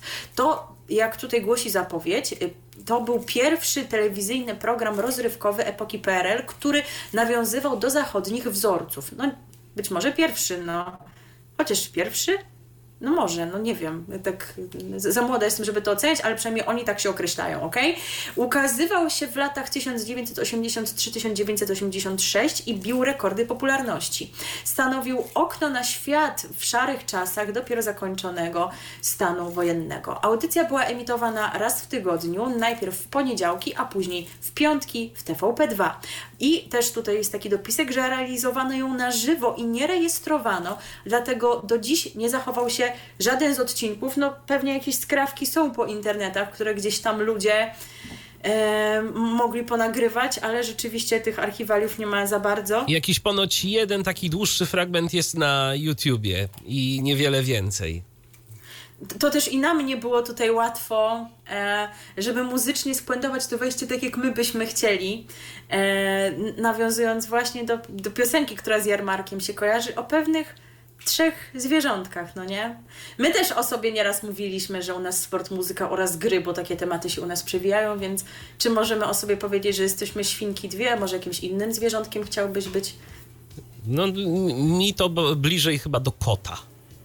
A no, ty, to ja nie wiem. Wątpię. Z charakteru. No to ja, ja nie wiem, do czego bliżej. Możecie pisać, drodzy słuchacze, z czym wam się kojarzy, ale jak na razie u nas... E, o świnkach o, o świnkach, ta, ta piosenka z lat 80., której ty też nie możesz pamiętać z nie, czasów emisji nie, premierowych. Nie. Zdecydowanie ale, nie. Ale myślę, że ten cytat i ten rym o sporcie, muzyce i grach jest jak najbardziej znany, więc przypomnijmy sobie, jak to dawniej w telewizji e, bywało i brzmiało, kiedy emitowano program Jarmark. PhD. Radio.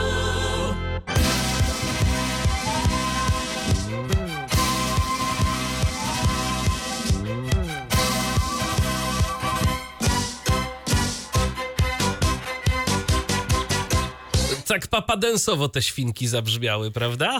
Coś tu jest na rzeczy. tak. Może ktoś tu maczał palce. Może z, ktoś, ktoś zna kulisy powstania e, tego zacnego utworu, to nam coś powie o tym.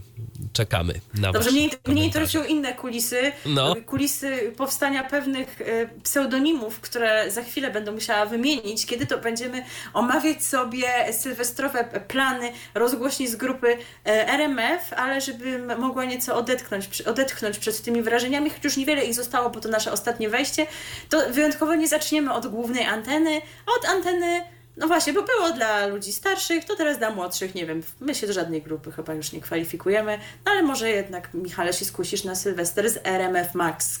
Raczej nie, ale dla tych, którzy rozważają taką opcję, to teraz kilka słów na ten temat powiem. W tym roku Sylwester y, na maksa będzie trwał aż 12 godzin. Już od godziny 16 na rozgrzewkę przed domówkami i klubowymi, klubowymi imprezami zaprosi Filip Kliber. A o godzinie 20 stery przejmie Przemek Grabowski i zaczną się klubowe sety. W tym roku zagrają największe sławy polskiej sceny klubowej, a będą to Trips, Sibul, Gromi, zespół Komodo, y, będzie też Brave, DJ Chris i The Three już myślałem, że my trzy, ale nie, nie my trzy. To nasz słuchacz y, Krzysztof y, niepocieszony będzie. The Three, The Three. Y, w trakcie programu nie będą emitowane reklamy. Do minimum zostaną ograniczone też wejścia prezenterskie. To ja się pytam, po co w ogóle tych prezenterów tam nagrywać, bo też raczej wątpię, żeby byli na żywo. No nie, no gdzieś. No, to no, puśćcie muzę, niech się ludzie bawią. I tylko jingla od czasu do czasu, żeby było wiadomo, jakiej stacji słuchają, żeby potem można było w badaniach słuchalności jakoś to e, wykazać. No i tyle w RMF Max. A w RMF-ie głównym, no właśnie znów nie ma we mnie gotowości na to, bo ja, ja jestem stara, ale spróbuję. Bo sylwestrowa impreza rozpocznie się tutaj o godzinie 19, a od 21 w Sylwestrze XD, no to jest takie nazwanie, bo nie mają zawsze, te, mają no taką tak. audycję, nie? Coś tam XD, tak, no, tak, więc tak, tutaj tak. taka wersja Sylwester XD i w tej audycji na słuchaczy czekać będą Paweł Jawor, pomyślicie o co jej chodzi, czym ona się czepia, no ale Paweł Jawor nie będzie sam, ponieważ będzie z nim też DJ Zimny Gulasz. I zastanawiam się, jaki proces tutaj zaszedł, co się wydarzyło w trakcie wymyślania ksywy, że ten pan stwierdził, będę występował jako DJ Zimny Gulasz co było nie tak z obiadem w domu, czy nie można było go odgrzać. Ale oni, mało to jeszcze, bo też nie będą sami, bo będą mieli też gości, którymi będą TikTokerzy, no to rozumiecie sami, że ja nie ogarniam. Jakiś Roxasas, chyba dobrze czytam, Dziadek Józek, a to może też są tacy TikTokerzy dla Może. tych osób. I znany podobno z YouTube'a śpiewający pan Sawian, chyba tak się to czyta. E, W tym niezwykłym gronie słuchacze punktualnie o północy powitają nowy rok i ja bardzo jestem ciekawa, czy RMF już chyba nie kultywuje tej swojej tradycji, prawda, żeby po nowym roku emitować ten wspaniały dżingiel. No chyba nie. Kto wie, ten wie, nie możemy wam... Okej, możemy wam tylko powiedzieć tyle, że w dżinglu, który stacja emitowała po, no, po nadejściu północy w nowym roku, bo tam to jeszcze było połączone z życzeniami, prawda? Od e, Prezesa. prezesa. Tak.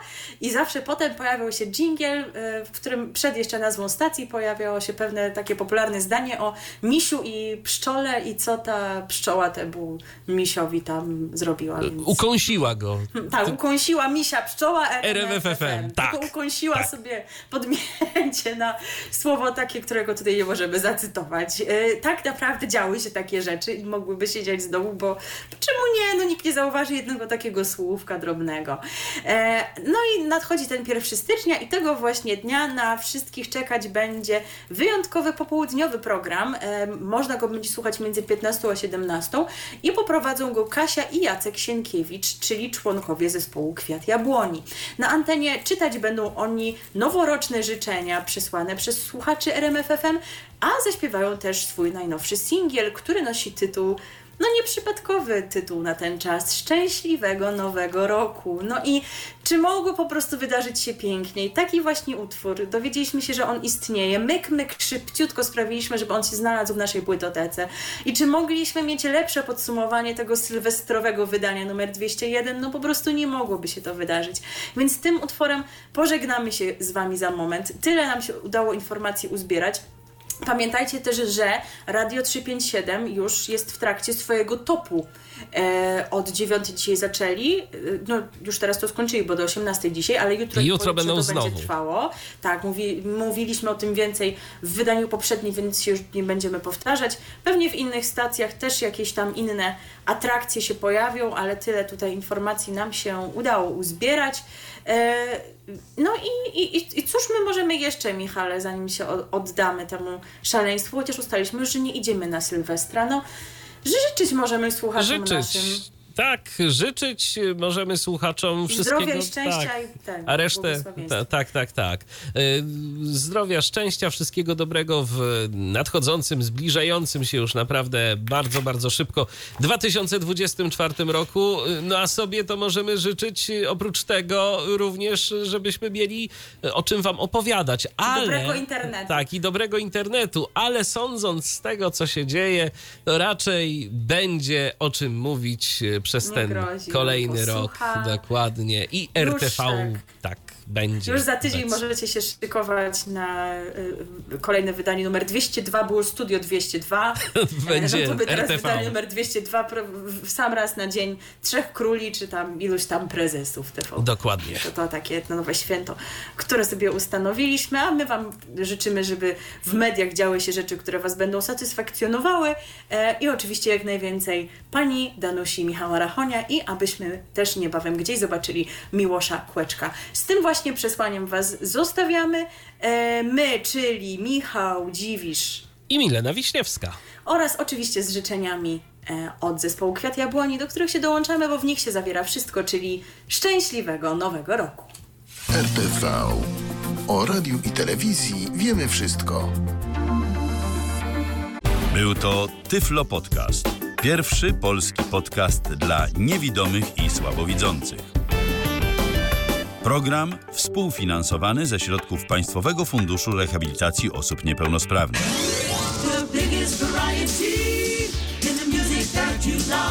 This is Radio DHT